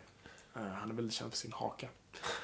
Eh, och han i första filmen spelar, eh, vad ska man säga, han, han som, eh, jag, inte programledare, men han som ja, leder hela wrestling-showen. Liksom, cirkusdirektören kan man väl säga. Och sen i tvåan spelar han killen i foajén till teatern, den otrevliga som inte släpper in Peter Parker till att se Mary Jane. Det hade jag aldrig tänkt på att det var samma person faktiskt. Mm. Och sen spelar han kyparen i trean då, som, eh, som är på restaurangen när, när Peter Parker, Parker ska försöka fria. Det är en väldigt slapstick, Monty Python-esk Ja, jo. scen liksom. Eh, och um, eh, tydligen så vad jag har hört, jag vet inte om det är sant, men att han då skulle sen visa sig vara skurk i fyran. Vulture då. Och som jag förstår, Vulture är, är en sån skurk som har spanat in Peter Parker under väldigt lång tid och det var det de tänkte göra så, så att han har bara liksom haft, haft koll på honom. Ehm, så det hade varit skitcoolt att se. Och framförallt då, och kanske då se Lizard i Sam Raimis ögon för då hade han verkligen fått stretcha sina skräckmuskler eh, på nytt. för Sam Raimi gör ju strax efter Spider-Man 3, går tillbaka till sina rötter och gör Drag Me To Hell som är helt fantastisk. Jag kan rekommendera alla som gillar skräckfilmer att se den. Ehm, men de bommar igen. Liksom. Nu, det blir inget mer Sam Raimi. Och det tar några år innan de vill liksom, eller inte så många år. Väldigt få år ska jag faktiskt säga. För att eh, sen kommer Mark Webb in i bilden. Ironisk namn. Ja, ah, jag har inte heller tänkt på. Mm. Shit, jag är inte...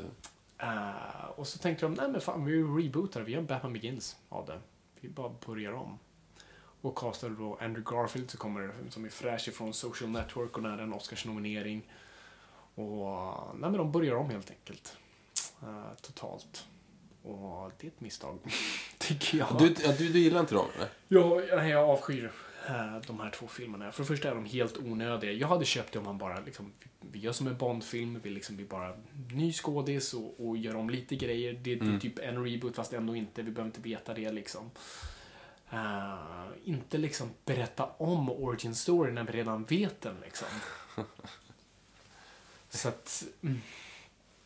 För att de gör ju exakt samma beats, bara de gör om dem lite. Gör Men om... de försöker ju att det är typ en del av ett, ett större universum. Alltså det här med Oscorp som har tagit över Ja, världen. jo, men och det är precis. De- han som de- är liksom grunden i allt. Så de ville göra nu vad Marvel gör och bara mm, liksom bygga en hel franchise runt det med massa spin-offs och grejer. Och that's fine. Jag tycker det är skitsmart. Alltså, jag Ja, hade ju gjort men, samma sak om absolut. jag hade suttit som... Problemet är ju bara att Sony har bara rätt till skurkar. de har ju Spiderman och någon, någon till kanske då. I, i, för de har bara rättigheter till sakerna i Spidermans liksom, universum så att säga. Uh, och det är ju mest skurkar, så det är därför det skulle bli en sån här Sinister Six-film senare. Men, men de gör den här första filmen och jag tycker den är rent, rent av värdelös. Jag tycker det är en... Som sagt, du ber- berättar om en story vi redan vet ganska väl. Alltså, trots att du har sett första filmen eller inte, så hur blir Peter Parker Spiderman? Han blir biten av en spindel. Hur blir Batman Batman? Jo, hans föräldrar sköts. Alltså, vi vet de grejerna, vi behöver inte se dem igen. Varför Batman Begins kunde göra det, för det första var det många år sedan. För det andra så hade vi inte sett hans origin story. Vi hade sett det i Flashback när hans föräldrar blev skjutna, men vi hade inte sett hans hela origin. Spiderman hade vi gjort det med. Vi hade redan spenderat liksom en hel film till det här och nu ska vara en ny. Ja, det är, jag tycker den är värdelös. Andrew Garfield, absolut, är en bra Spiderman. Jag, jag, jag kan ge dem det. Liksom, han, han är en bra skådis och, och många skulle argumentera att han är bättre än Tobey Maguire. Och jag är en av de få som faktiskt står på Tobey Maguires sida. Och jag brukar säga så här, eh, att Andrew Garfield är en bättre Spiderman, men um, Tobey Maguire är en bättre Peter Parker. För att, kollar man på, alltså, Andrew Garfields Peter Parker, han är inte m- mobbad. Nej, han är ju alltså, lite cool. Han är åker- skitball, han åker skateboard, han har liksom coola, lite halvcoola kläder, han dejtar den snyggaste bruden i liksom skolan. Och vadå utsett? Ja, han hänger inte med the jocks, men det visar ju inte på att han är liksom en lam. Han är ju asball och liksom snabb i munnen och rolig och charmig och härlig. Tobey Maguire, jag tror alla hatar honom just för att han är den där lilla nörden man inte vill umgås med. Så jag tror den prestationen behöver få så mycket mer cred. Han är så liksom sämst att du tycker han är sämst. och det är därför jag tycker den fungerar. Andrew, men när Andrew Garfield har masken på sig, då är han en mycket bättre Spiderman. Då, är han ju, då kan den här roliga personen komma fram. För det är det som är poängen med Spiderman. När han inte har dräkten på sig så är han den här lilla tönten som har svårt att kommunicera och är liksom en utstött. Men under masken kan han vara rolig och liksom leva ut sig själv på ett helt annat sätt. Och det är därför han är så relaterbar. Men Andrew Garfield var ju sådär hela tiden. Hans maskpersona var inte så olik hans Peter Parker-persona. Ja, jag har aldrig tänkt på eller jag visste inte om det snarare. Ja, ja. Nej, några grejer som jag stavar på som inte är liksom serietidningsrelaterat så, det är ju att eller så är det så här, några bra grejer. Jag tycker att Emma Stone och Andrew Garfield gör det jävligt bra. Jättebra man blir typ kär i dem. Absolut. Alltså det, man, det, det ska vi säga. På så det, den relationen kontra Mary Jane-relationen i de gamla filmerna är ju helt fantastisk. Liksom. Mm. Alltså man, man tror verkligen på att de är kära, man tror på att det där är liksom det där funkar och det är intressant att se. Eh, så sådana saker. Men det jag inte riktigt förstår, det är att de går verkligen så här dark gritty. De, de försöker göra det verklighetstroget, citationstecken. Eh, göra det mörkt och liksom lite obehagligt så. Men samtidigt så måste de lägga in såna här supertydliga plottgrejer. Alltså till exempel, kommer du ihåg när han kommer ner där i eh, i eh, kloakerna och så slår han igång datorn. Och när han trycker på en knapp så ser man då The Lizard när han pratar liksom in i kameran Nice. säger Nu, min plan. alltså, han har spelat in sig själv. Tänk på hur det, har- hur det har gått till. Om Lizard sitter nu och tänker på den här planen så trycker han på play och så spelar han in sig själv och så här. Nu, hej. Min plan är att jag ska förvandla alla till ödlor. Och sen så ser man ju liksom så här, typ människor i staden och så en, en det. så att säga, typ det kommer ut från ett, eh, från ett torn. Han har gjort en Och- jättebra 3D-animation Ja men det är en av detta. 3D-animation och så här, att blåa människor blir röda ödlor liksom med de här radiovågorna. Så det är så så här, att det är sådana grejer stör jag mig på. När Jag de ska, vi bara liksom analysera att han har suttit där den där jävla kloaken och bara... Ja men det är inte så att de har slag, slagit kod utan han har liksom verkligen animerat de där grejerna. Eh, och spelat in sig själv när han berättar då Mm, för precis. sig själv från ingen medarbetare. Han sitter ju bara och gör det här Ja, för ja, sig själv. exakt. Så att sådana saker, det är ju jättepetigt. Men jag stör mig på att det är så pass enkla och simpla och töntiga grejer där. Mm. Samtidigt som de försöker göra så här, mordet på Martin Sheen är ganska grovt, där han dör. Alltså, det är lite så här, alltså det är ju liksom mycket mörkare och mycket hemskare samtidigt som de där Precis, och det, grejerna. det är ett av problemen jag också har. Bara försök, nu ska vi göra Spiderman mörk, nu ska vi göra en Batman. Det är inte det Spiderman ska vara. Det är precis som eh, Superman. Liksom. Superman ska vara optimistisk och ljus och liksom glad. Mm. Spiderman ska inte vara mörk, och dyster och grå. Utan också en, en, en, liksom, en, en bild av hopp och liksom, bara positiv energi. Och här gör de en dark and gritty liksom, emo-version och mm, mörkt och dystert och framförallt liksom göra den här biten av att göra honom verklig. Det, det störde mig något enormt. För det, det fungerar med Batman att göra någonting liksom verklighetstroget. För Batman är det. Batman är en snubbe i en dräkt som tar ner folk med sina bara liksom, händer. Spiderman är inte de bitarna. Spiderman blir biten av en radioaktiv spindel. Bara där tappar du liksom det verklighetstrogna. Så att de försöker ändå liksom ha en anledning till hans dräkt och hans liksom... Det är ju bra att de byter till att han faktiskt gör, har den här spindelväven som inte kommer från hans hand. Det är bra, men resten att de försöker göra allting så verklighetstroget. Mark Webb pratar om just det, liksom, nej men jag vill grunda honom i den riktiga världen. Men jag vill inte ha det. Jag vill liksom, Sam Raimis version är så mycket bättre på så vis, för det, det har en slags tyngd av verklighet. Men det är inte liksom, det är inte, det är inte det vi upplever som verklighet. Så att, nej, jag, den biten tyckte jag var helt missanpassad för den karaktären.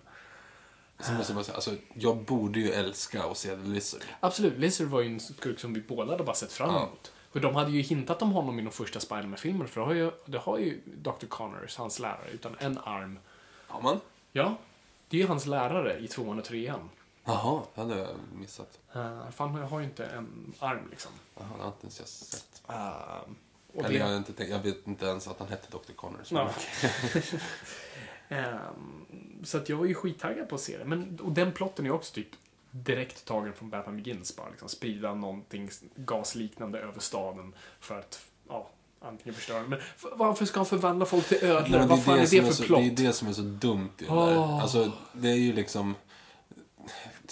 Skurkarna har ju ett problem i många av de där superhjältefilmerna att de har ett jävla konstigt motiv. Men det där är ju liksom det sämsta av alla motiv i alla superhjältefilmer någonsin. Alltså, han vill förvandla folk till ödlor. Men dessutom så har han ett, se- han har då ett serum som gör så man ser, man ser serumet, hur det ser ut, liksom att det är olika färger och vad som är bra och dåligt Mm. som också är väldigt så här, övertydligt. Men har du tänkt på det? De blir, det är typ fem personer som blir ödlor. Ja, precis. Men sen så trycker Spiderman på någon knapp så att de sprutar ut någon annan gas. Och då blir de ju personer igen. Ja, precis. Så att med andra ord så han, kunde ju låtit, han kunde ju bara låta alla bli ödlor och sen så när Lisa gått därifrån hade han kunnat sätta in det där antidot Ja, alla bara botats. Skitbra. Så det varit lugnt. Alltså varför? Det var ju ingen fara om man bara Nej. blir sammans, alltså man bara tillbakaställd efteråt. Exakt. Så att, nej, det är, nej, bara den plotten. Jag ska göra alla till ödlor. Vad fan är det? Nej, Det är liksom, alltså, Jag kommer inte ihåg varför. Varför skulle han göra I det? serietidningen är det för löjligt. Men va- varför skulle han bli, göra Därför det? han blir det av ett av misstag men inser liksom det här är det bästa, liksom det här är, det här är toppen av mänsklig evolution. Vi måste utvecklas mer, vi måste liksom, det här är, vi blir übermensch. Ja, men tänk, vi- tänk om det var bra då? Om alla skulle bli... Tänk om, det kanske blev jättebra. Men eh, då är det bara New York, fan vad weird stad det kommer bli. Alligators in the zoo. Conan O'Brien ser konstig ut. Ehm, Det är så vi skulle märka det här Mm. utanför New York. ja, precis. Nej, men så bara den plotten fungerar. Det, och, men en av de grejerna som fungerar, de har Gwen Stacy och de har liksom en bra skådespelare som Emma Stone och de gör henne till en rollkaraktär och som faktiskt kan göra saker själv och är en karaktär i sig själv. Ehm, Men ja, vi slår in på tvåan direkt. Alltså, där har du också så här... Det näst sämsta superskurkmotivet någonsin är ju Electro i tvåan. Alltså, jag måste bara säga nu, nu när jag funderar på det inför den här podden. Jag tror jag tycker sämre om Amazing Spider-Man 2 än Spider-Man 3. Jag säger det Oj. nu rakt ut. Oj. Men det är inte för att säga, det- är svårt att jämföra dem. Spider-Man 3 på något vis ser du och säger, ja men det här är skitdåligt och det är nästan som att de vet att, de, att det är dåligt. De liksom, den verkar vet, vara medveten om vad den gör. Trots att den tar alla felsteg så vet den att den gör det. Spider-Man 2 förs- ser man, och- och man ser hur de verkligen försöker göra en bra film och tror att de gör en bra film. Man hör dem snacka om det och intervjuer och de tror verkligen de har gjort en sån jävla bra film.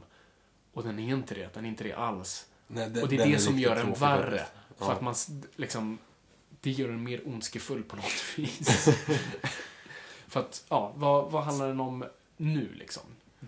Nej men alltså det är väl att, alltså överhuvudtaget bara då, det är en, en nörd, återigen med glasögon, som blir räddad av Spiderman. Och Spiderman säger, ja men du heter, jag kommer inte ens ihåg vad heter, Kalle Karlsson. eh, och sen så typ två år senare, eller det är o, Nej, två vet år? Ja, men jag vet inte hur lång tid efter Två det. timmar senare, det är Ja, väl samma timmar. kväll? Ja, okej, skitsamma. Det är en stund senare så träffar han honom en gång till. Och så bara, ah, hej, det är jag igen. Bara, ah, vad heter du? Och då blir han jättearg att han Ja, inte kommer ihåg. hans namn. Fan. Och därför ska han typ döda honom. Ja, och sen som av en händelse då, så får han, han får en stöt och sen blir han biten av elektriska ålar och då blir han elektricitet. Yes. Mm, Electro tycker jag för det första inte är en sån intressant skurk. Alltså, rakt av. Inte kul. De borde ha gjort en sån här Dr. Manhattan istället för att... Alltså, Han att var de- ju Dr. Manhattan, det var ju det han såg ut att vara. Han såg exakt Jo, men att han skulle springa omkring naken på riktigt istället för att ha den här gummidräkten Ja, det hade gett någonting i alla fall. Men eh, ja, det var också konstigt. Var får den här gummidräkten ifrån? Och varför kan den lösas upp och följa med honom i, i elkablarna när den är gummi? För gummi kan inte leda elektricitet. Ja, det Jätteweird. Ehm, så att... Nej, det, det, alltså, tittar man på plotten, tittar man på... eh, jag kan inte liksom... Jag, jag kan, Vilken plott? Ja, precis. Vad handlar den om? Vad handlar den om? Ja, det är, här är en gång. Det är ju så konstigt när, när man ändå liksom, det är samma producenter, liksom, det är samma studio bakom och de lärde sig en sak från den liksom, förra franchisen. Och det var, ha inte för många skurkar, ha inte för många plottar. Det går åt helvete. Så vad har vi här nu då? Hur många skurkar har vi i den här? Två. Electro och Hobgoblin. Hobgoblin och... Vänta, är det inte tre? Jo, vänta nu. Måste jag tänka. Rhino. Rhino. Rhino är det. Paul Giamatti Paul i Giamatti. superöverspel. Holy shit vad han överspelar. Ja. Det är liksom, det är som någon bara sa, du, här har du tre miljoner dollar. Han skrattade hela vägen till banken och det råkade komma med på kameran. För den bilen han kör i början är bara all cash han fick. Ja. Ehm, nej men bara, bara använda liksom sig av, av Rhino, ändå så pass lite. Och fine, de använder inte honom lika mycket som de använde sig av skurkarna i Spiderman 3. Men fortfarande, du bygger upp en förväntan om honom som du sen inte lever upp till, förutom då sista scenen som är en actionscen vi inte ens får se. Och sen att ta tillbaka Harry Osborn igen, utan någon slags funktion överhuvudtaget förutom att starta en, en helt ny skurk. För jag, ännu en gång, vi har redan sett Osborn. Vi behöver ha honom igen. Spiderman med Batman har de bästa Rogues Gallery av skurkar. Du har många att välja på. Ta inte då liksom the best of från liksom senast. Åh, det är liksom, så den enda nya Electro som inte är så intressant från första början och som du gör piss. Ja, det, liksom- han, han är riktigt Och det är fel castat. Alltså, Jamie Foxx är skitbra skådis så och han hade säkert kunnat göra Electro intressant men här är också tyder på att de att han är en så pass stor stjärna att de bara sagt Fine, gör vad du vill. Tydligen så han är det och har den här gluggen och den här comb-overn och hans röst och allt sånt där. Och man märker bara, nej men här skulle en regissör klivit in och bara, du, jag tror inte vi ska köra det här spåret för det blir lite väl serietidningsaktigt. Och det är det att säga, att säga serietidning och ge serietidningar ett dåligt namn. Alltså, du, du kan inte ha liksom den här supertönten som, sen, som älskar Spiderman, sen hatar Spiderman och det är liksom, det är plotten. Nej, jag tycker det var riktigt dåligt. Och sen sista akten där när de ska göra ett omvänt batteri av honom och bara, nej, nej, jag, jag, som sagt, jag tycker den är hemsk. Jag ty- och, och, nej, det märks bara att Mark Webb inte har koll på vad som händer. Bara lyssna på musiken. Hans Zimmer, som jag älskar, det märks också bara att de har inte liksom hållit koll på honom. Hans Zimmer är som bäst då han liksom verkligen samarbetar, som med Nolan. Han och Nolan sitter väldigt intensivt och gör musiken tillsammans. Eh, Men här märker man ju att han har bara fått fria tyglar utan någon kommunikation alls. Det är därför har de här konstiga viskningarna och musiken pratar med dig och det är dubstep och det är alltså... Är det... Alltså, grejen är att man skulle kunna säga att det är en bra popcornrulle liksom, att kolla på bio. Men jag såg den på bio. Vi såg dem. Just det, vi såg den ihop till och med. Och jag, tyck, jag blev liksom lite uttråkad. För Jag med. Det är för mycket och ingen connection överhuvudtaget. Den är väl två timmar och 45 minuter lång. Den är skitlång och man bara, nej, man bara tappade allt. Och man bara brydde sig inte om någon längre. Och jag bara satt och hoppades så här, okej, kan de i alla fall döda Gwen Stacy så att vi liksom ändå får någonting som känns som serietidningarna. Och sen är det samtidigt synd att de dödar Gwen Stacy för det var den enda bra karaktären i filmen. Eh, men ändå kul att de hyllade förlagen. Så att, eh, men- Ba, lite kort recap, bara för att, att lyfta Gwen Stacy lite mer. Kan du förklara Mary Jane och Peter Parkers relation i de gamla tre filmerna genom historien? Alltså om du om Vilken du, relation? Nej men, ja, men precis. Nej, men som tänk, så här, I första filmen, då är ju han kär i henne, Mm. men avslut, och avslutar med att hon vet vem han är. Ja. I andra filmen, då är de tillsammans i början. Eller? Uh, Men då- han nej, gör de ju är, nej, det är de inte. De är lite dejtvänliga. Hon, De vill att det ska hända, men det blir aldrig. Och så dejtar de inte för hon dejtar någon annan och då Mm. så vill han ha tillbaka henne. Fast när han får tillbaka henne så vill han ju inte det för att han är Spiderman. Ja, och sen i trean händer precis samma sak. Han dejt... Nej, då, är de ju, då är de ju tillsammans. Just då är de tillsammans, men då vill de typ då ska inte de förlova sig, men det går ju inte för att, hon, Spiderman. och hon är på en show som går dåligt och blir sparkad. Alltså det, det är ju bara så här on and off hela tiden. Ja. Och man Så fattar jävla ingenting. 90-tal och bara utdaterat. Nej, nej, men det går inte alls. Du köper inte den relationen. Alltså som sagt, Garfield och Stones kemi är, är de filmerna och det är det enda de har. Och, så det är ju också synd om de nu hade fortsatt med filmerna, att de dödade liksom deras största tillgång. Eller att de hade gjort en så här en eh, mid-call mellan ettan och tvåan. Ja, ja men precis. Eh, eller bara haft en sån här Dallas. Hon vaknade upp i duschen sen. Eh, nej, men och, och det var ju det som hände nu. Alltså filmen Fine drog in mycket pengar, fast inte så mycket pengar som de hoppades. Och framförallt ännu en gång som Spider-Man 3 så sa fansen bara "Ugh, varför? Alltså varför? Kom igen. Vi, vi trodde vi hade lärt oss liksom någonting. Nu har vi Marvel som gör liksom det bästa som hänt serietidningsfilmen ever med deras fantastiska filmerna. Avengers existerar och Nolan har gjort sina Batman-rullar. Och det kommer bara komma ännu mer. Och så kommer och så Sony som har bara ett enda ansvar. Det enda de ska göra är att få Spider-Man rätt. That's it. Och de fuckar upp det. så att... eh, Men vad är det som kommer hända nu då? Ja, så vad händer nu? Vad fick vi reda på förra veckan? Att Sony lånar ut Spiderman. Precis, så det är inte så att Marvel får, får tillbaka honom. Det är, liksom, pengarna pratar sitt tydliga språk här. Sony kommer aldrig ge upp Spider-Man. För dealen ser ju ut också så här. Så länge Sony gör en Spider-Man-film, jag tror men var femte till var tionde år, så får de behålla rättigheterna. Men de får inte bara sitta på honom. Och sen, för då går en viss tid, då får Marvel tillbaka honom. Så det är det Marvel har velat hela tiden. Men det kommer ju inte hända. De kommer, det är ju därför, alltså, det är ju enda anledningen varför Garfield-filmerna existerar. Det är ju för att de måste bara få sälja lite fler Happy Meals. Alltså det är ju så.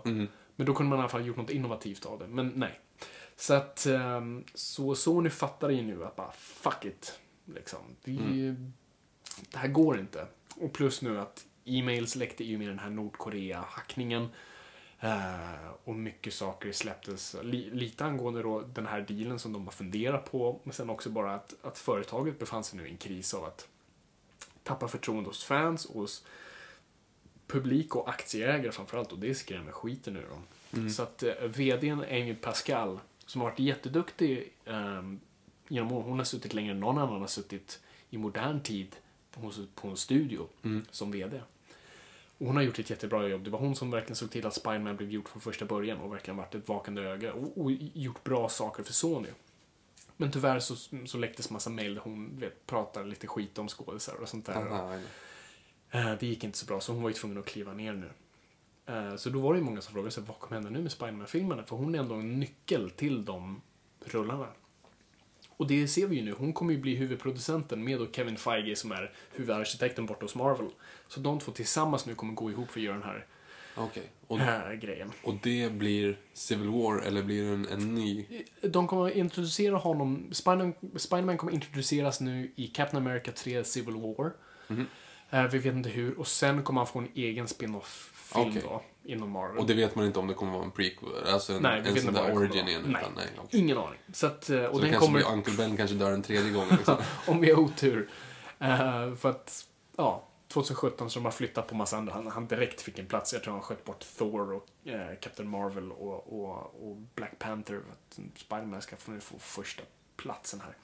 Sen kommer 2017, så bara ett år efter den andra filmen. Så att vi sitter nu här 2015. Om ett år så ja, kommer vi ha, förhoppningsvis sett liksom nästa Spiderman. Det känns rätt häftigt. Så du är taggad alltså? Ja, nej men skit. Det känns lite som i slutet på Star Wars Episod 6. Då liksom Imperiet har fallit och du vet alla hurrar på planeterna. det känns lite så att alla nördar bara ja. Men har du inte lärt dig någonting?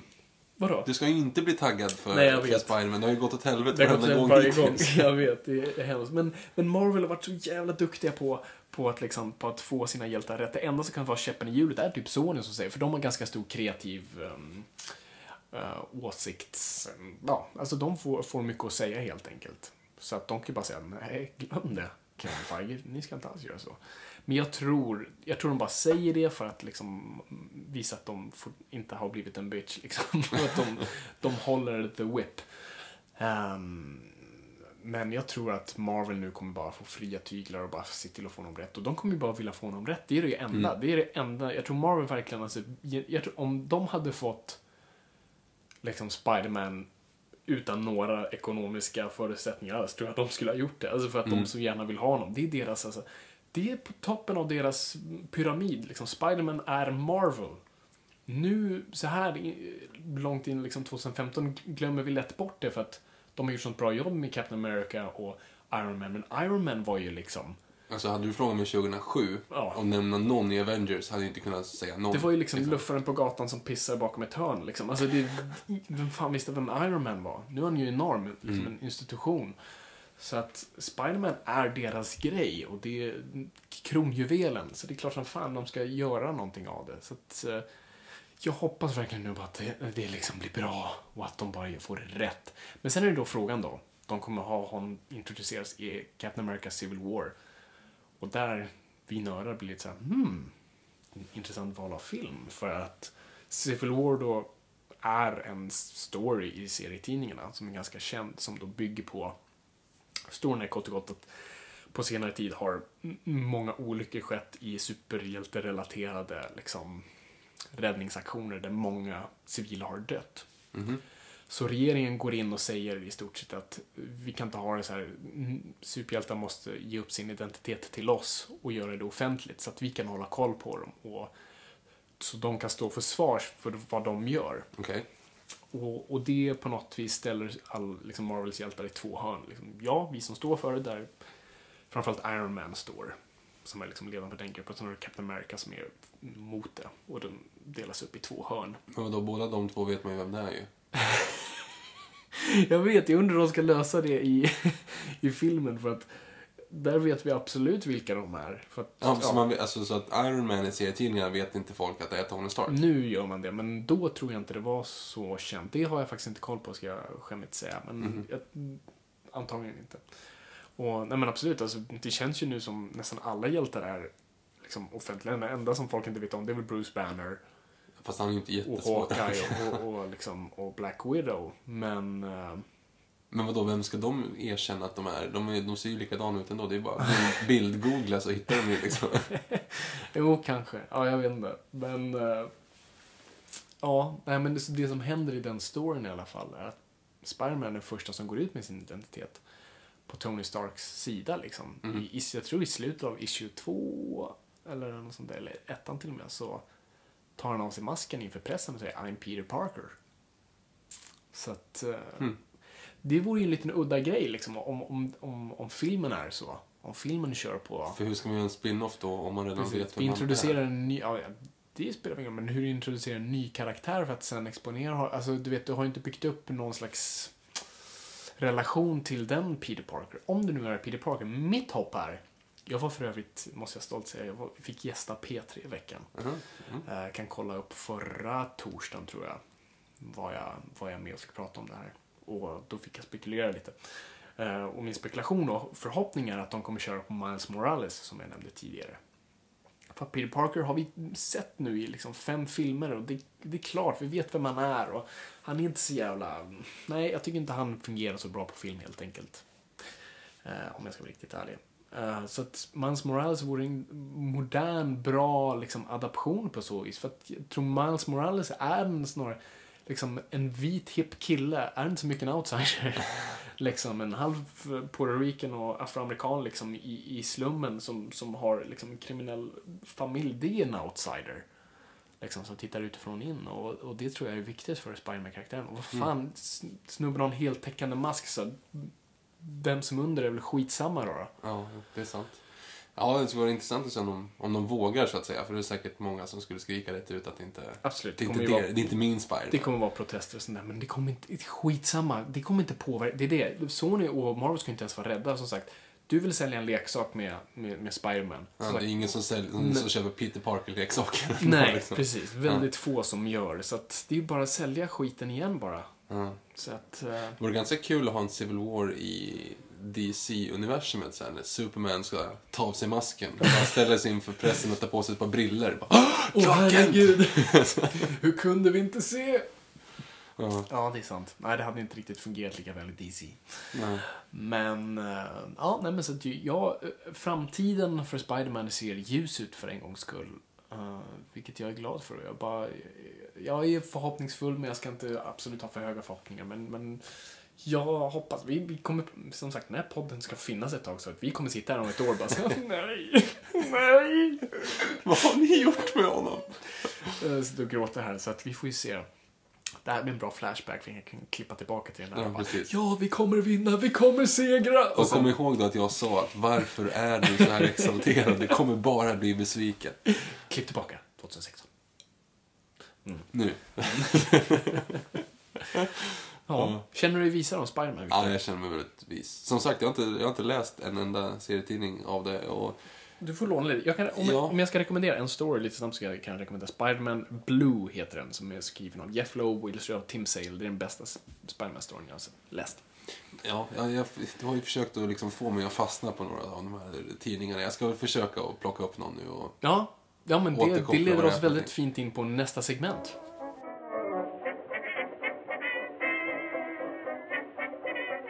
Då, då är det dags för en recension. Det här är då ett segment då jag, du har plockat ut någonting som jag antingen har sett eller läst. Och den här veckan är lite tom på premiärer. Det är 50 Shades of Grey ute, jag har inte sett den. Så att, eh, Du försökte få mig och min sambo att gå på en dubbeldejt med dig och din sambo på 50 shades of Grey på alla hjärtans dag. jag tänker, vi, vi ändå... Och jag är inte hundraprocentigt säker på om du skojade eller inte. Det är ju det. Vi, vi, vi var ju nyfikna att se den. Det är inte så att vi är supertaggade och så här, det här, det här kommer liva upp stämningen utan snarare bara någon så här pervers bara, som alla jag tror känner bara så att man måste gå och se den. Och vi tänkte, vi hade inga riktiga planer för alla hjärtans dag så jag föreslog, men fan ska vi inte bara, vi går med Victor och Jossan och, och, och så gör vi en dubbeldejt så behöver vi inte skämmas lika mycket för jag vill inte sitta liksom på premiären med, med liksom alla uh, kåta tanter och sen alla för unga ungdomar som, ja ja jag vet inte, Twilight-publiken. Så att, sorry Victor. Men ni gick inte själva heller då? utan- Nej, vi gick inte alls helt enkelt. Men jag är fortfarande öppen för att vi fyra går igen. Vi kan inte gå på alla hjärtans dag. Ah, Nja, ja. Vi kan ju se, vi kan se till nästa avsnitt se om vi har gjort det så får vi en eh, rapport då. Hur som helst, jag ska inte recensera filmen den här gången. Så den här- den här gången tänkte jag nu faktiskt recensera en serie. Ja. En serietidning då faktiskt. Och eh, för jag vill uppmuntra folk att läsa serietidningar. Serietidningar är inte längre för barn, utan det är för fullvuxna människor. Och jag måste ursäkta mig hela tiden, vilket är så tråkigt. Men eh, hur som helst, det är för vuxna nu. Och, så jag försökte plocka ut någonting som sådär, ja men vad, vad, vad kan jag liksom tipsa om? Som ändå är vuxet men ändå liksom något vi känner igen. Och, Batman kommer man alltid tillbaka till. Och Batman har kanske den bästa säger jag ganska partisk, men jag tycker eh, ganska objektivt också Batman har den bästa samlingen av bra stories. Alltså, och, och särskilt för folk som inte läser serier, för han fungerar väldigt bra litterärt.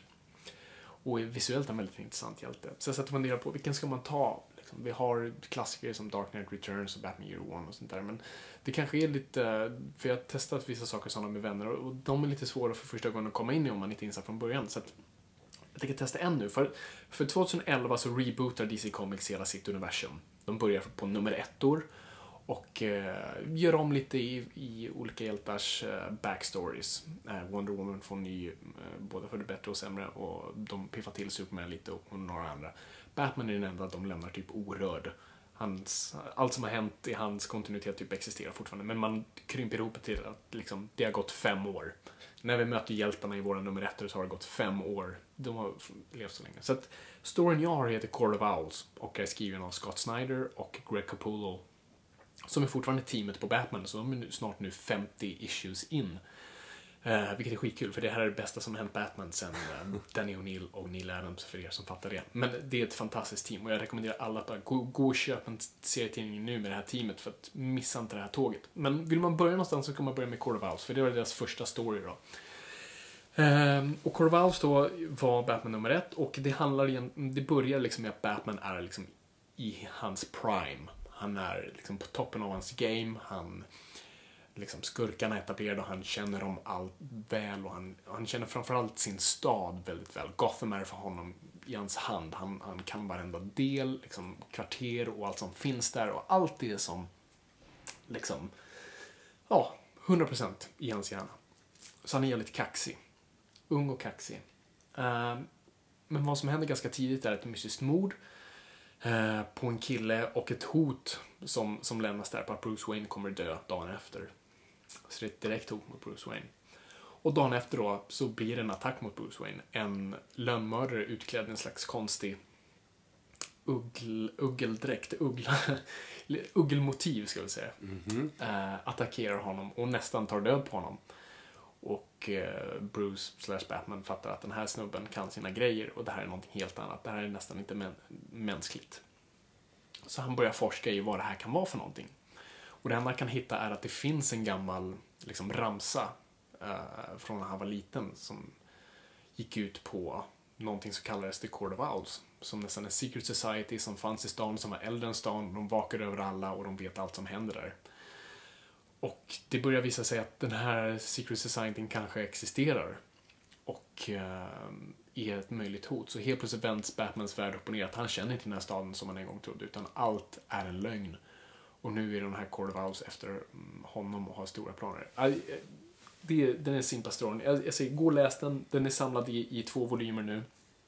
Eh, uh, går att plocka upp på nätet eller i en affär som Comics 7. Alltså, du kan plocka upp den nu, du kan läsa den utan att läsa en Batman story och bara komma in. För den är en jättebra introduktion. Men alltså, går man och köper en serietidning är de, är de i serietidningarna? Nej, alltså det går ju så Serietidningar släpps ju varje månad i såna issues, som är mm. det här tidningsståndsformatet. Liksom, och sen när storyn är klar, så till exempel of Owls här tror jag 12, 11 issues.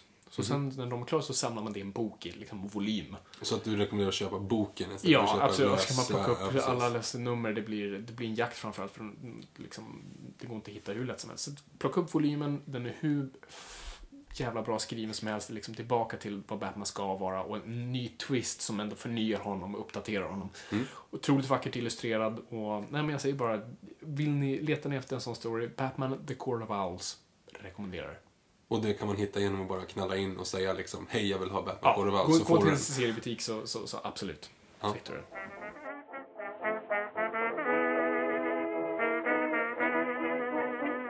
Ja, och så är det dags för ännu, en, eh, ännu ett litet segment, ett nytt segment ska vi säga.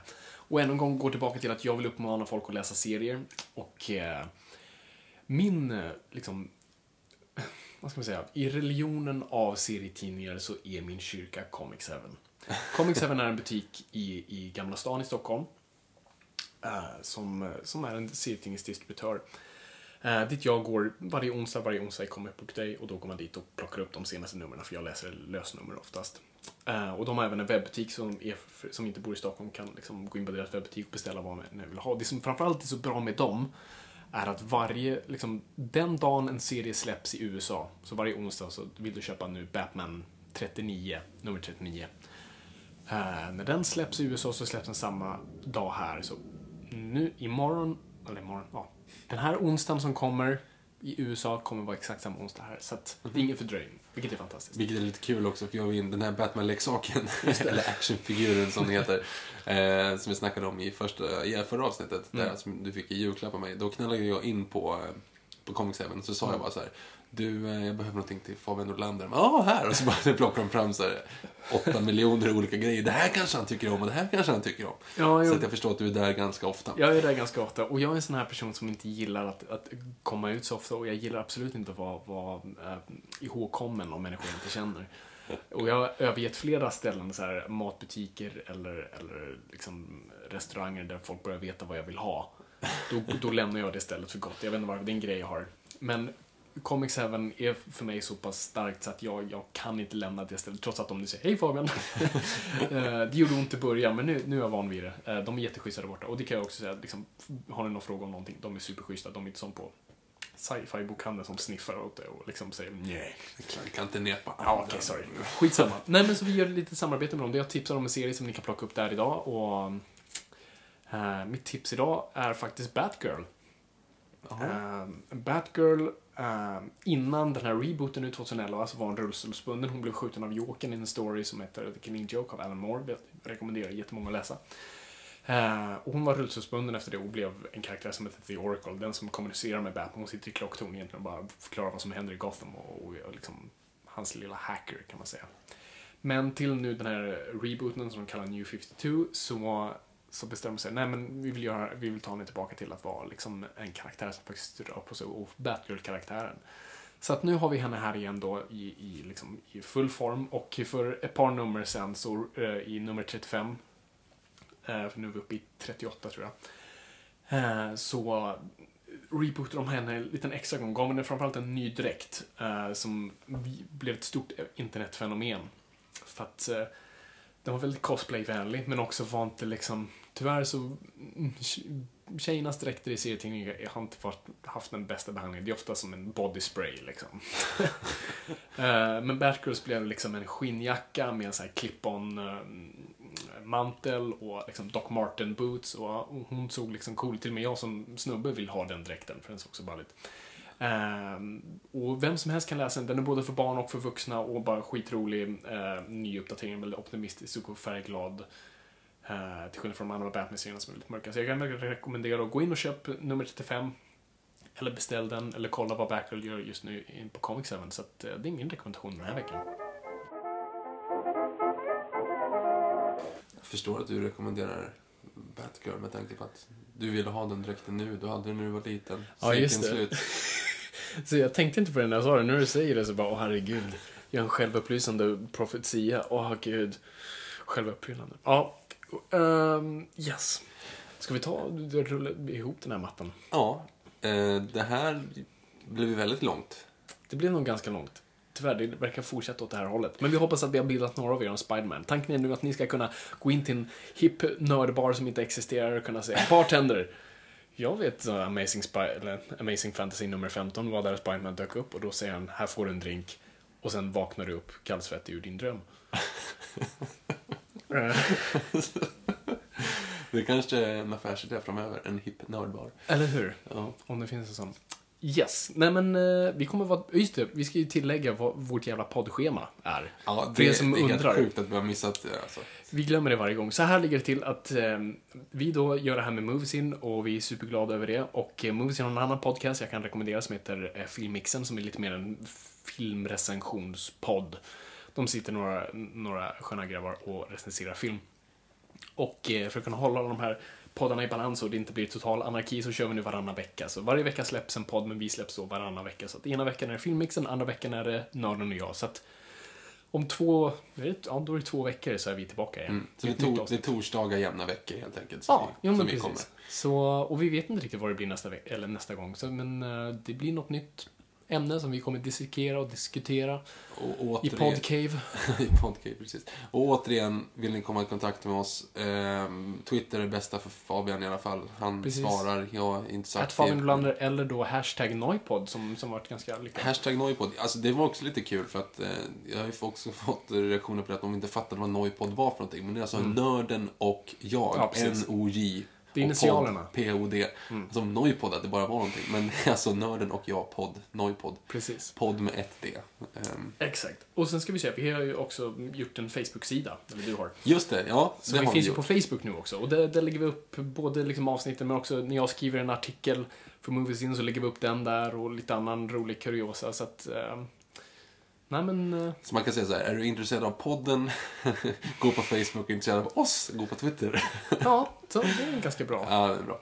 Perfekt. Vi tackar så jättemycket än en gång att ni lyssnar. Det här är superkul och ja, ha det så bra tills nästa gång. Och kom ihåg, ingenting är för nördigt.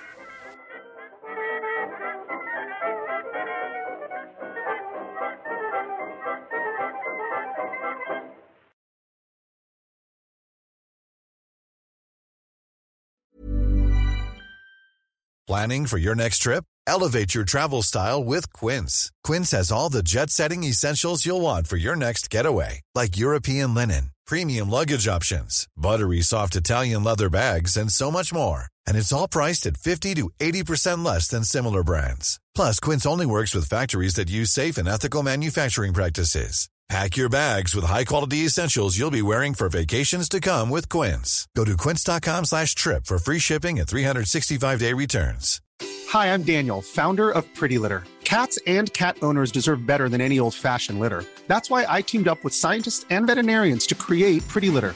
Its innovative crystal formula has superior odor control and weighs up to 80% less than clay litter.